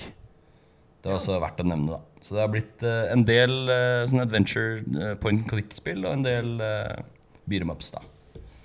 Nice. Det er ikke en dårlig liste å ha med seg. Det, og det, det, det er jo som vi har vært litt inne på, er jo at det er veldig gøy at beat em upen begynner jo veldig nå å få et comeback i disse siste par årene. Altså, River City har jo blitt nevnt, og altså River City Girls begynte jo litt den trenden, og så fikk du jo Streets of Rage 4, og nå har du jo Shredders Revenge har jo definitivt liksom satt den og i alle fall på en måte med den der arkadefølelsen som du har med Shredders Revenge. Ikke sant? Ikke sant? Med seks spillere som bare kan spille på samme enhet i et sånt herlig kaos. Det er jo rått. Det er glorious, rett og slett. Så det er Så finnes det jo et eh, Det Asterix-spillet som kom ut på Switch, eh, er jo Ja. ikke like kult som det originale Asterix Arcade-spillet fra 90-tallet, men det er ganske gøy. Eh, det har jeg spilt litt. Så har jeg også spilt um, uh, Ninja Warriors. Det kom jo for noen år siden, men det er nye Ninja Warriors som kommer på Switch. Så det er, så det er ganske bra bibliotek hva gjelder beat 'em mm. egentlig. Er godt med en eh, renessanse der, altså. Mm. Yeah. Har du noe mer du vil eh, skyte, skyte ut før vi spiller ballen til Mats Jakob? Nei, eh, altså, det er alltids ting å nevne, men eh, jeg skal ikke prate høl i huet på dere heller. Vi har mer å snakke om, så. Ja, jeg har iallfall ei lang liste, men eh, du må bare skyte inn hvis du kommer på noe. Um, Feel- free. Shit, det er et godt spørsmål. Eh, jeg prøvde faktisk Cyberpunk uh, Hva heter den? Cyberpunk 20... 2077. Ja. Jeg lasta den Eller jeg kjøpte det faktisk. på Kosta jo ingenting ikke sant, pga. alt uh, controversy der og sånn. Så det har jeg faktisk lyst til å spille litt videre. Uh, opplevde ikke så mye glitches og sånn da jeg prøvde det, så, så det virker artig. Men eh, ja, jeg har ikke spilt det nok. Hva, hva, hva plattform spiller du på? Xbox One. Ja, riktig, riktig. Ja. Nei Ja. Det, jeg, jeg hører veldig gjerne fra deg igjen ved en senere anledning hva, hva du syns. Ja. eh, For det er jo definitivt et spill som uh, har hatt en uh, brokete historie, for å si det mildt. Ja, ja. Crazy, ass. Og jeg husker jeg så de, noen av de tidlige bildene av det og var skikkelig, skikkelig gira på liksom Wow, det her kommer til å bli skikkelig Blade Eller moderne Snatcher. Altså, det var liksom Det var mm, Moderne Blade Runner og Yes. moderne Ghost in the Shell. ikke sant? Det var liksom den store cyberpunk-drømmen som eh, mm. bare kollapsa som en gelé i et eh, skap, som uh, Eddie Izzard eh, sa jeg sier det. Ja, riktig. Det var altså gelé som. Like a flan in a cupboard. Uff. Ja, ja, ja. Eh, jo, så har jeg veldig lyst til å Det kanskje vi kommer inn på etterpå. Kommer vi til å snakke om spill man har Eller det sto noe om anbefalinger og sånn? Kanskje det er noe man tar etterpå, eller? Ja, eh, det kan vi jo ta seinere. Ja. Mm, greit. Mats Jakob, da er det din tur. Ja, eh, som sagt, jeg har jo ikke vært så mye hjemme i sommer, men eh, jeg har jo fått spilt noe for det om. Jeg har jo eh, to gutter som plutselig blitt ganske spilleglad. Ikke gal, men glad. Eh, eh, og det er veldig gøy. De krangler jo om eh, Switchen veldig ofte, da. Men, eh. Nei, så det jeg har faktisk vurdert om vi bare skal kjøpe en sånn Switch Lite, bare fordi de har jo Jeg har fått ganske mye juling, den Switchen min. Eh, sånn ser jo ikke ut. Og de liksom ja, ja, river av gummien på tømsticksene og sånn, så er jeg liksom jeg er litt lei. Så jeg tror kanskje jeg skal bare kjøpe en til de. Men eh, Men det jo de, de elsker jo Sonic-filmen. Vi snakka om det. Både én og to. De har snakka om Sonic-filmen 2 i et halvt år og maste maste maste. Så var det jo dato på kino, og så tenkte jeg OK, da pleier det å gå 40 dager fra han har vært på kino til han kommer digitalt. Eh, og så hadde den høyere aldersgrense enn den forrige filmen. Så jeg turte ikke å ta de med på kino uten å ha sett den. Så Mm. da bestemte jeg meg for at jeg forhåndsbestiller den på de, Vi satt sammen og forhåndsbestilte den på Apple TV-en, men da fikk jeg jo mas i to måneder på Han kom i dag, han kom i dag, han kom i dag, han kom i dag. Men de elsker Sonic. Alt Sonic er gøy. Leker, uh, tegnes film, spill. Uh, så jeg kjøpte faktisk Sonic Colors til de. Å, uh, det er så bra. det- det, ja, det, du, jeg, du, jeg forbinder det spillet med deg, Thomas. Men eh, det er jo kjempebra. Vi har spilt mye Sonic Mania. Vi har spilt Altså, de er jo ukritiske på spill. Vi har jo spilt Sonic Forces og Rise of Lyric og altså det, Ja, vi snakka om Buggy Mess i stad med Cyberpunk, men eh, det er ikke så veldig mye bedre i de greiene der. Men uh, Colors Nei. er veldig bra. Det er, Mhm. det er skikkelig gøy, og de er eh, De har liksom catcha Sonic-formelen, sånn at nå kan jeg gi dem et nytt Sonic-spill. Eh, ja, det har jeg å skrive på. Vi har spilt Sonic Generations. Det er òg dødsbra. Det er helt rått, ass. Kjempe, det er kjempegøy spill. Ja, ja. Uh, så mine gutter er, er Sonic over Mario, uh, rett og slett. Noe som gjør litt vondt for meg. Men, men det er liker i Sonic òg, da. Men Det er jo nice. Jeg, jeg husker da Sonic Colors kom på Wii. Det var jo sånn rundt 2010, hvis jeg husker riktig. Og det var jo sånn omtrent da jeg begynte i Game Rector å skrive der. Og da var det jo litt sånn Jeg husker jo det at Sonic Colors ble jo på en måte tråkket fram som liksom det der overraskende comebacket til Sonic. For det var liksom sånn Folk hadde liksom fortsatt det der eh, Sonic 06 litt sånn i mente. Det, det som Og, og det er jo ikke det eneste dårlige Sonic-spillet, dessverre. Det er vel i hvert fall to-tre andre dårlige på Wii òg. Hva heter det derre Det er noe sånn hvor han løper med sverd og noe greier. Forferdelig. eh, Ja, ja. Unleashed, Sonic Unleashed. han, Nei, Sonic Unleashed er Ja, decent. Unleashed, er det Unleashed ja? Tror jeg er ganske decent, Ja. ja. Men du har det der som man sier med det med sverdet og litt Ja, sånne ting. det. og uh, noe sånne greier. Uh, men uh, så, så kom liksom Sonic Colors som bare var liksom der Wow, dette er bra, og oi, det kommer på Wii. liksom, det var sånn, Mm. Mens de andre konsollene bare fikk sånn der eh, Sonic 06 og sånt, så var det liksom Wii fikk liksom det bra Sonic-spillet som folk ville ha. Eh, så sånn Ironisk at Nintendo sitter med det beste Sonic-spillet. Det det Ja. Det var en rar tid, det der. Mm. Ja, men det er jo Så, ja. største ironien er Nintendo-fan for sønner som blir Sonic-fan. Det er jo Uh, you win some, you lose some, tenker Ja. jeg da. De spiller det på en Nintendo-maskin, iallfall. Det er det viktigste. Ja, ikke sant? Ja. Nei, eh, jeg har spilt det, og så har eh, har jeg selvfølgelig spilt eh, Turtles med de. Jeg har faktisk ikke spilt det alene, bare spilt det med guttene. Eh, som bare blir sure fordi at jeg får så mange flere knockouts enn de. Eh, så de, de har begynt å samarbeide, så det er liksom de mot meg. Så, så, som jeg sitter og summerer opp for de. Hvor mange har vi til sammen nå, pappa? Nei, vi kan ikke pause hele tida hver gang dere har knocka ut én for å se hvor mange dere har. Vi må ta det på slutten av banen. Uh, Så det er litt deilig for liksom De kan få liksom brødreallianse mot meg. Det er jeg fan av det. Uh, og så det jeg har spilt for meg sjøl Jeg har spilt uh, mer uh, RP Golf uh, RPG, eller det heter RPG Golf, men det RP Golf Legends. Mm. som er veldig gøy. Jeg er jo notorisk svak for golfspill og rollespill, så det skulle jo tro at det var liksom uh, Supermatch. Hadde det vært lagd av noen som var litt mer kompetente, så hadde det nok vært Supermatch. Det, er, det er, har veldig sånn RPG Maker-vibes. Det Det er litt clunky, og det er veldig lite golf. Det er mye liksom uh, Det er mye eh, 16-bit RPG-ting, på en måte. Ja. Mm. Du har ikke tilfeldigvis fått tid til å teste ut dette her The Curse to Golf, som akkurat er kommet ut, da? Som vi jo posta i Discord-kanalen da det ble annonsert, og sånn potensiell Gugoti 2022-kandidat. Ja, og det har jo vært lite golfspill i år. I fjor var det jo helt vilt. I fjor spilte jeg jo åtte golfspill, tror jeg.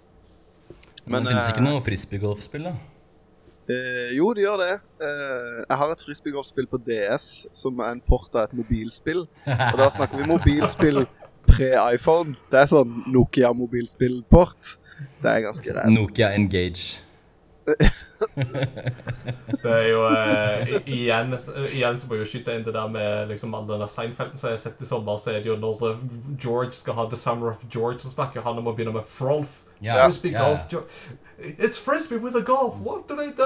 What? Altså, hva blir det neste? I, I wanna, liksom? I wanna, liksom I wanna bite into a block of cheese. Jeg si det men, uh, det er liksom, men det er så gøy, da, for at det var på den tiden frisbeegolf tydeligvis var helt splitta nytt. Og bare sånn en veldig rar tanke. Og det var sånn, ja, veldig ukjent, nå, nå sitter vi her. Ja. Mm. Altså bare eh, Litt sånn apropos Adventure Games og Seinfeld. Mm. Dere husker den der reklamen for det potensielle Seinfeld point and click-spillet, ikke sant? Som var på YouTube. Nei. Du kødder, dere har ikke sett det? Nei. Nei dette er Altså, det her er mitt drømmespill of all time. altså, eh, jeg kan bare si det, Seinfeld er min favorittserie også, så der har vi eh, Hvis jeg skal komme på besøk til Romsås, så tror jeg det blir like mye Seinfeld som uh, Robin Hood.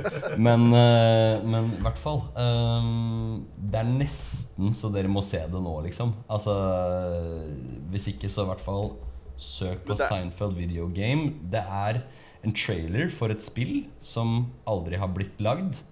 Men det er en pitch som eh, Det er the unofficial pitch to make a video game about nothing, står det her. So it's a pilot? Det er en pilot, og så vidt jeg vet, så har de ikke fått uh, dette gjennom av, av uh, folka i Seinfeld.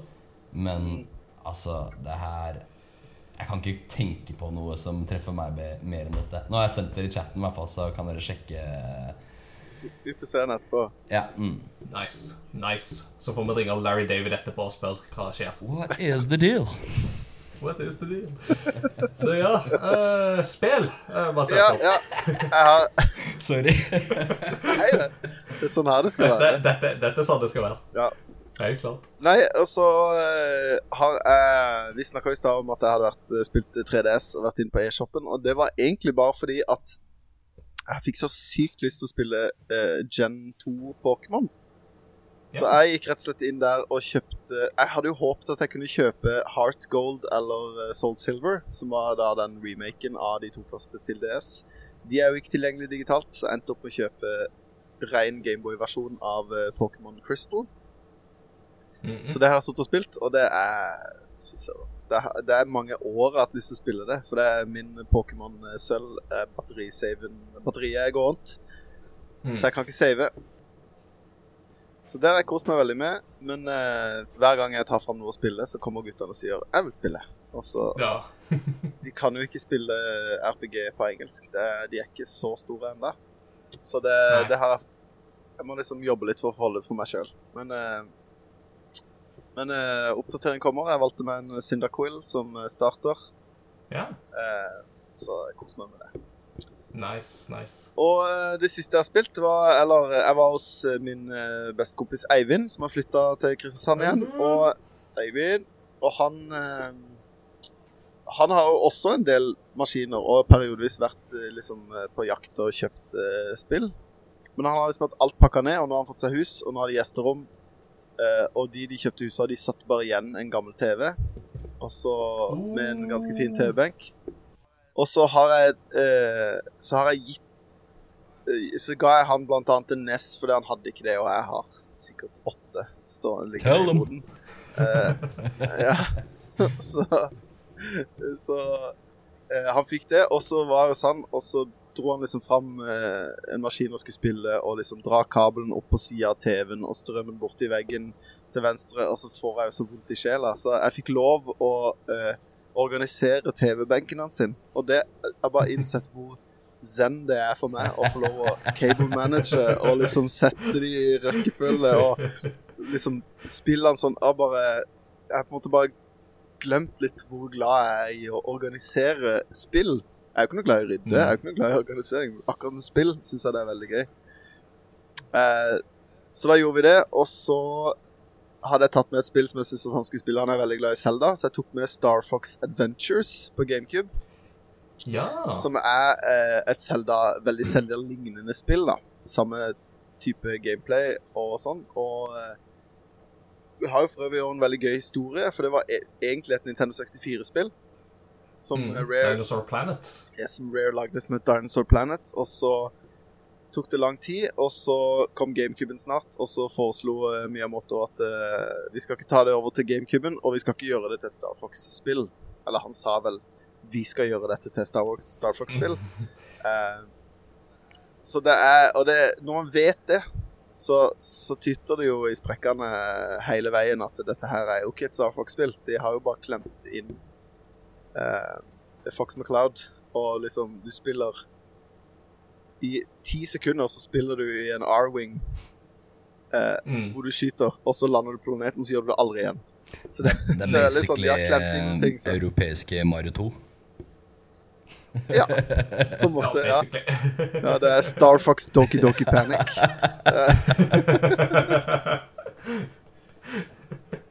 Ja, ja, det, du vet Doki Doki det er jo det japanske onomatopoetikon for når eh, hjertet går litt sånn eh, hamler, Altså når hjertet hamrer litt. Ikke minst når du blir litt sånn nervøs eller spent eller kanskje litt forelska.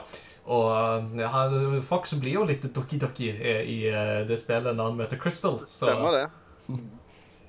så bra at det er The Star, War, nei, Star Fox Doki Doki.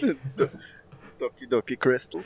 Uh, ja. Nei, så det, det er det på en måte som jeg tenker er nevneverdig at jeg har spilt i sommer. Hmm. Ja. Hva har du spilt, Ingar?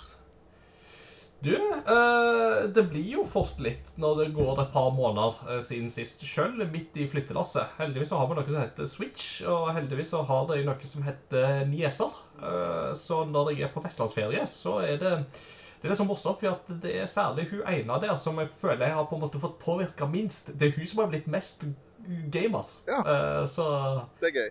ja.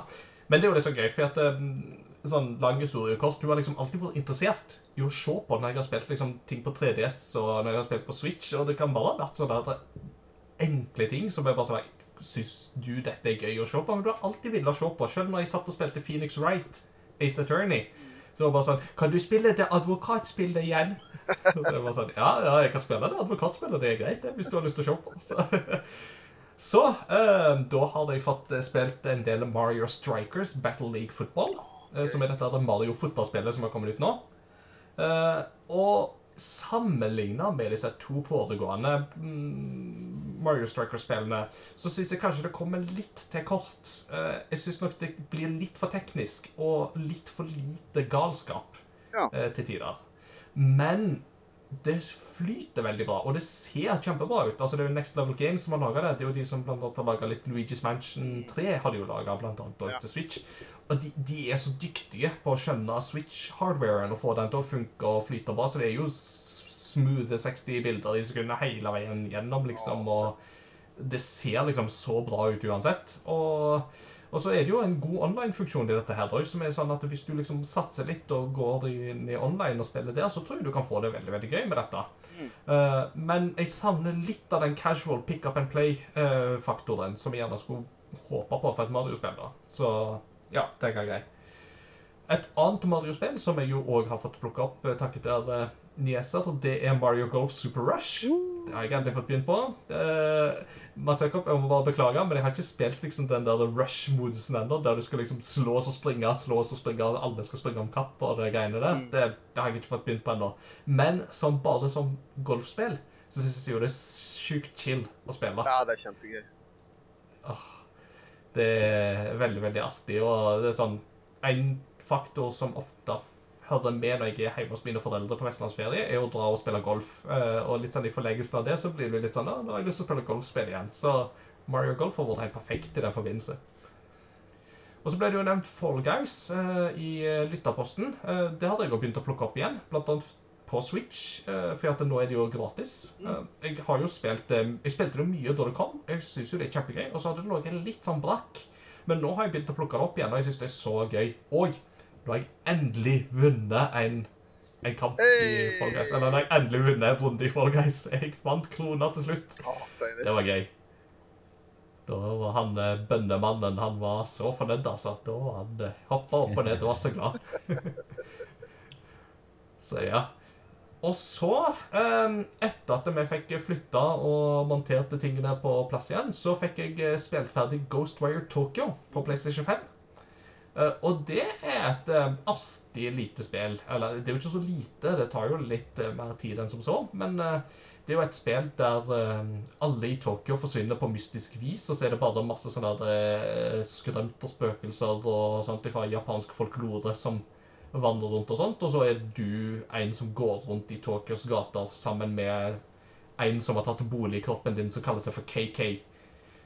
Og sammen så må dere liksom eliminere denne trusselen og prøve å redde litt sjeler og litt sånne ting. Eh, det, det er ikke helt innertier, dette spillet. Det har en del technical issues, og det har litt av det der Ubisoft Open World-problemet med liksom en del mange like ting og sånt. Men det har en stemning over seg som jeg føler jeg ikke får i noen andre spill. Altså, Du går rundt i Tokyo, det er på natta, det er masse neonlys rundt omkring, det regner ofte, og det kan Eh, komme Sorry, litt kan du si hva det het igjen? Det spillet hørtes veldig kult ut. Ghostwire Tokyo heter det. Det er på PlayStation 5 og eh, PC akkurat nå, og så kommer det på Xbox til neste år. Eh, det er en sånn ett års eksklusivitet akkurat nå. Og det er da Tango Gameworks som har laga det, som er studioet til Shinji Mikami, skaperen bak Resident Evil, som står bak dette her. Det høres amazing ut, altså. Ja, eh, og det, det som jeg syns er så bra, er det at eh, Altså, det forrige spillene som Tango lagde, det var jo The Evil Within. lagde jo de, The Evil Within 1 og 2. Og de følte jeg aldri helt liksom satt som det skulle. Jeg syns dette er bedre. De toner liksom Det er ikke skummelt, men det er fortsatt, eh, som hun sa på E3, hun eh, som Nakamura som presenterte det It's spooky. Og det er det. altså Det er en sånn litt sånn spooky følelse over det som liksom ligger over hele spillet. og sånt, Men jeg føler aldri det blir på en måte sånn Det er ikke skummelt, liksom. Og sånt, og det kan jeg sette pris på. Så du har denne særegne stemninga som er veldig Jeg vil si at det, det er ikke noe annet som er liksom akkurat helt sånn som Ghostwire Tokyo. Uh, og det i seg sjøl kan jeg sette pris på, og det i seg sjøl er nok til at jeg vil si at det er verdt å sjekke ut. Uten at jeg kan garantere at eh, alle vil like dette her, og at eh, det er sånn som er et Game of the Year-kandidat. Det tror jeg nok ikke at det blir. Men uh, Er det, er det litt sånn Bioshock-stemning, eller? Eller bare så på noen bilder nå. Det bare så litt sånn Bioshock-esk ut. Men det er mulig at det på, bare på er sett og vis kan du tenke litt sånn Bioshock, men eh, Bioshock var nesten skumlere, vil jeg Ja. si. Altså, Ja, for for der var var, jo, der var jo disse rabiate folkene, og det var liksom veldig sånn trykka stemninger og sånn. Og så er det jo Altså, performancen her er jo eh, Altså det, det, det er litt sånn opp og ned når det gjelder performance-wise, og sånt, men får du en god raytracing-funksjon til å kjøre på dette, her, så ser det jo kjempebra ut altså, til tider, med liksom disse her lysrefleksjonene og altså, tåke om natta med alt det det har av lys og farger og sånt, kombinert med liksom vanndammer som ligger litt her og litt der. Det er veldig, veldig kult. Og så kan du snakke med hunder og katter. Det er jo uh, veldig artig. Uh, og i sånn beste japansk folklorestil så er det sånne der, eh, katteånder som driver butikkene. Når alle menneskene har forsvunnet, så er det sånne der katteånder som bare sånn der uh, Ja. Artig. Mm. Og så eh, Jeg skal ikke snakke like lenge om de forskjellige tingene, men snakke om katter, så har jeg nå akkurat spilt ferdig Stray. Dette kattepus-spillet som kom på PlayStation og PC. og det er en artig liten sak, det, altså. Selv om eh, jeg syns nok at konseptet er noe bedre enn liksom selve gjennomføringa. For de prøver seg på et par ting som ikke funker like godt og sånt. Men når du har muligheten til å gå relativt fritt rundt og spille som en katt, så er det veldig, veldig artig, altså. Og det, det, det er noen som har sittet veldig og observert hvordan en katt oppfører seg når de har laga dette spillet. Eh, Så alle sånne beskyldninger om at eh, dataspill bare er voldelige og fører til vold, det er sånn Presenter straight til de som måtte argumentere for det, og så vil du skjønne at nei da, det, her spiller vi som en søt liten kattepus i en postapokalyptisk robotverden. Kult. Og, mm. og så, Mats Jakob, til deg som er jo litt sånn uh, glad i gamle JRPGs. Så har jeg spilt Live Alive oh. på uh, Switch. Og det tror jeg du må sjekke ut. Det tror jeg er vel verdt å oppleve for en uh, gammel JRPG-entusiast. Det er jo da uh, Dette er jo da det Super Nintendo-spillet som aldri kom ut utenfor Japan, men som har en del nøkkelpersoner knytta til seg, blant annet han som etterpå var regissør for Chrono Trigger. Dette var jo hans første prosjekt. Eh, og uh, musikken er jo Yoko Shimomura, som jo har laga Street Fighter 2 og Kingdom Hearts, for å nevne noe. Og det som er veldig kult, er jo det at her spiller du syv forskjellige personer i syv forskjellige tidsaldre og syv forskjellige epoker. Eh, og når du da spiller i nåtid, så spiller du en kar som liksom skal bli liksom the ultimate world warrior. Og da blir spillet plutselig en sånn Street Fighter 2-klone, der du liksom må velge liksom characters og find roster og sånt. Eh, og du hører så tydelig i musikken her at Yoko Shimomura har masse callbacks til sin egen musikk i Street Fighter 2. ah. Som er utrolig fett å høre. At det, du føler skikkelig at dette er det som spiller Street Fighter 2. altså.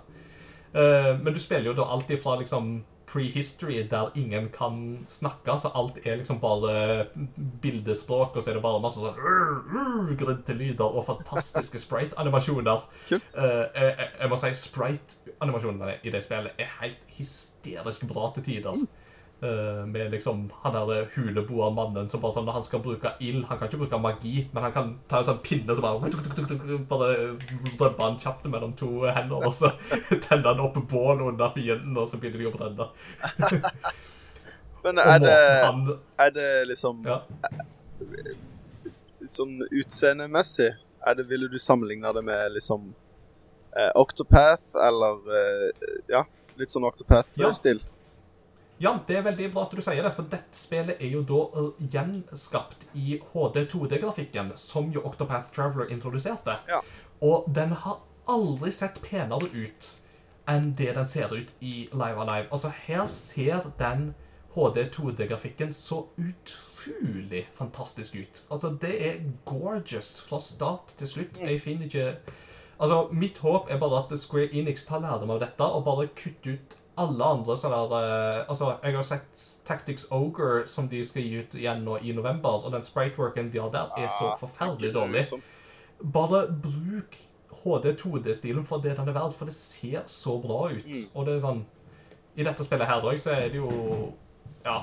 Det må, det må bare oppleves. altså Lys og uh, fokus brukes mesterlig. Og den måten som gamle piksler kommer til liv på altså Det ser både gammelt og nytt ut samtidig på en måte som ikke ligner noe annet. Så Og det er veldig kult. ja, så, mm, så her spiller du liksom alt fra prehistory til distant future, der du har en sånn historie som basically er en blanding av Alien og 2001 og Rom Odyssey, liksom. Uh, og det Og så veves ting sånn etter hvert sammen da, på en sånn måte som jeg ikke skal avsløre. Men eh, litt sånn Du merker av og til at ja, det er litt gammelt, og litt sånt, men alt i alt så vil jeg si at her er det veldig mange kule ting. Og det er litt sånn Har du litt sansen for gamle Super Nintendo-rollespill, så, så, så kommer du ikke utenom at dette her bør du absolutt sjekke ut. Og det er en demo på Switch som du kan ta med deg progresjonen til hvis du kjøper fullversjonen. Ja, Så det er smooth. ja da skal jeg teste den. Og så kort til slutt, jeg skal ikke holde på veldig lenge. Uh, Megaman Legacy Collection 2 har jeg begynt å spille litt, for nå er jeg jo blitt uh, pendler. Uh, nå tar jeg T-banen hvis jeg ikke sykler. Sneaky skryt der. Ja, ja, ja. Så, og den T-banestrekket den er liksom på et kvarters tid, og da er det greit å ha med seg Switch og spille noe kort og greit. Og da har jeg begynt å spille Megaman. Ah, Megaman 7 det er et treigt spill, altså. Det er litt sånn Mm. The Bastard Child of Megamann, føler jeg. For det er litt sånn Megamann 1-6 på Nes, kjempebra. Megamann X-spillene på Super Nintendo, kjempebra. Og så går de tilbake til å lage Megamann 7, og det er litt sånn eh, OK, greit. Men hvis det er uh, The Bastard Child, hva er Mighty Number 9 da? det, we don't talk about Mighty Number 9-spillet, er som jeg jo faktisk var med på Kickstarter. Så Oi, du er medskyldig der. Shame! ja Det er penger jeg ikke får tilbake. Så det er sånn. Men, men. You win some, you lose some. Ja. Sånn er det.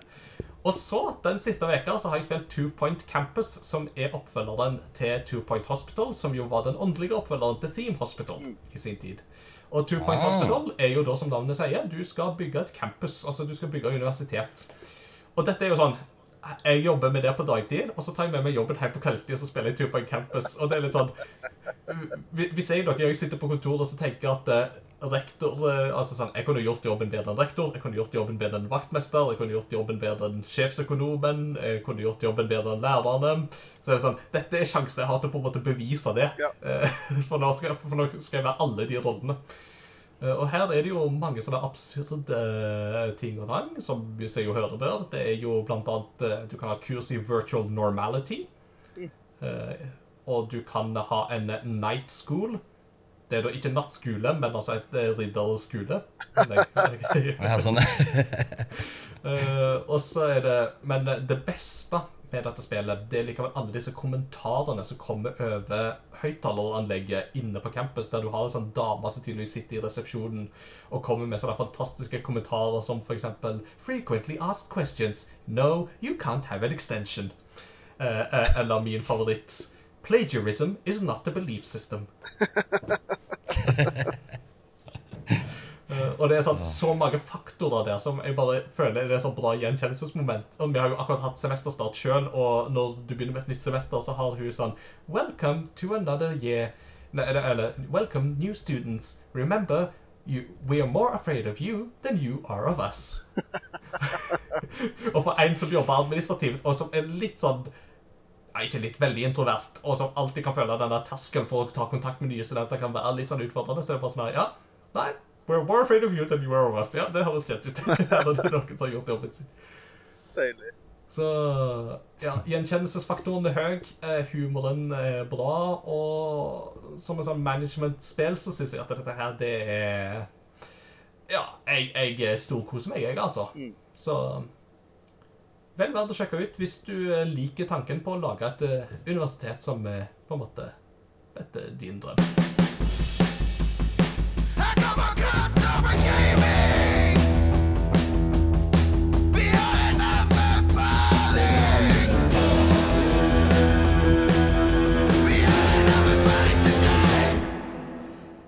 Da er det tid for å ha litt anbefalinger. Eh, Og da, Thomas, eh, er det jo gjerne sånn i anbefalingsspalten at eh, du kan egentlig anbefale akkurat hva du vil. Det kan være om du har spist en god, på en god restaurant nylig, eller om du har lest en bra bok, eller om du har spilt et bra spill eller ferie eller lignende. Eller om det er ting som du liksom er litt sånn at Dette er jeg òg nysgjerrig på og har lyst til å sjekke ut. Så ja, ordet Ja. er fritt, egentlig. Du, jeg måtte skru på Xboxen min her for å se litt uh, hva slags spill jeg har, og da fant jeg en god del ting som jeg vil anbefale, faktisk. Ja. Um, vi snakka om Snatcher tidligere. Eh, og det er et spill eh, som dere sikkert kjenner til, kanskje, som heter uh, Read Only eh, 2064 Read Only Memories. Som kom ut i 2015, ser det ut som. Først. Og så ut i skal se, Xbox One, Nintendo Switch 2018. Ja. Um, og det er jo basically en Snatcher-inspirert uh, cyberpunk adventure-spill. ja. Uh, som jeg dessverre ikke har uh, Jeg har ikke fått spilt det ferdig ennå, men uh, så langt kost meg veldig. Grafikken er dritkul. veldig mye kule sånne eh, Hva skal man si eh, vel, Man kan lære veldig mye om den tiden og teknologien og verdenen ved å snakke med folk da, i spillet.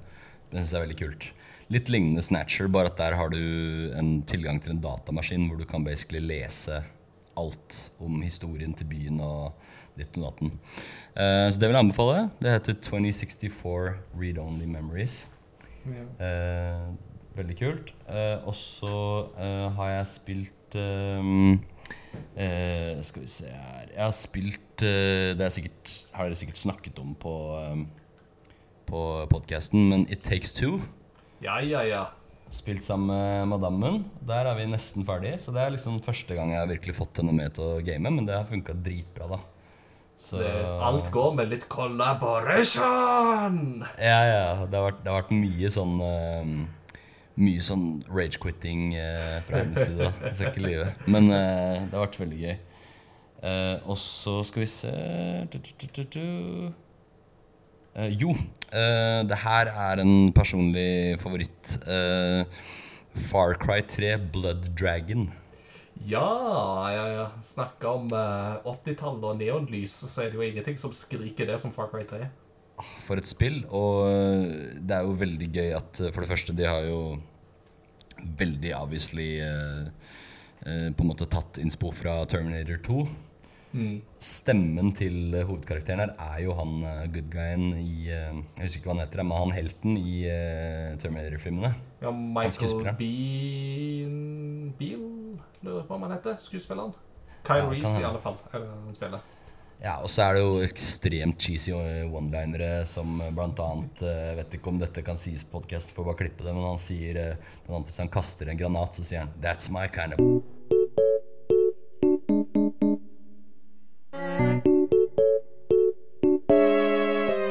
Um, også sånn et par ekstra mentions um, i point and click-verden. På Switch så finnes det en remaster av et sånn gammelt spill som heter Edna and Harvey. Eh, som er et point and click-spill som er uh, Ja, jeg hadde ingen forventninger, og jeg storkoste meg med det. Um, kan ikke si så mye annet enn at du, spillet um, hand, altså Handlingen i spillet foregår da på et mentalsykehus. Men det er veldig morsomt. Det er mye humor i det. Um, Nice. Kult. ja.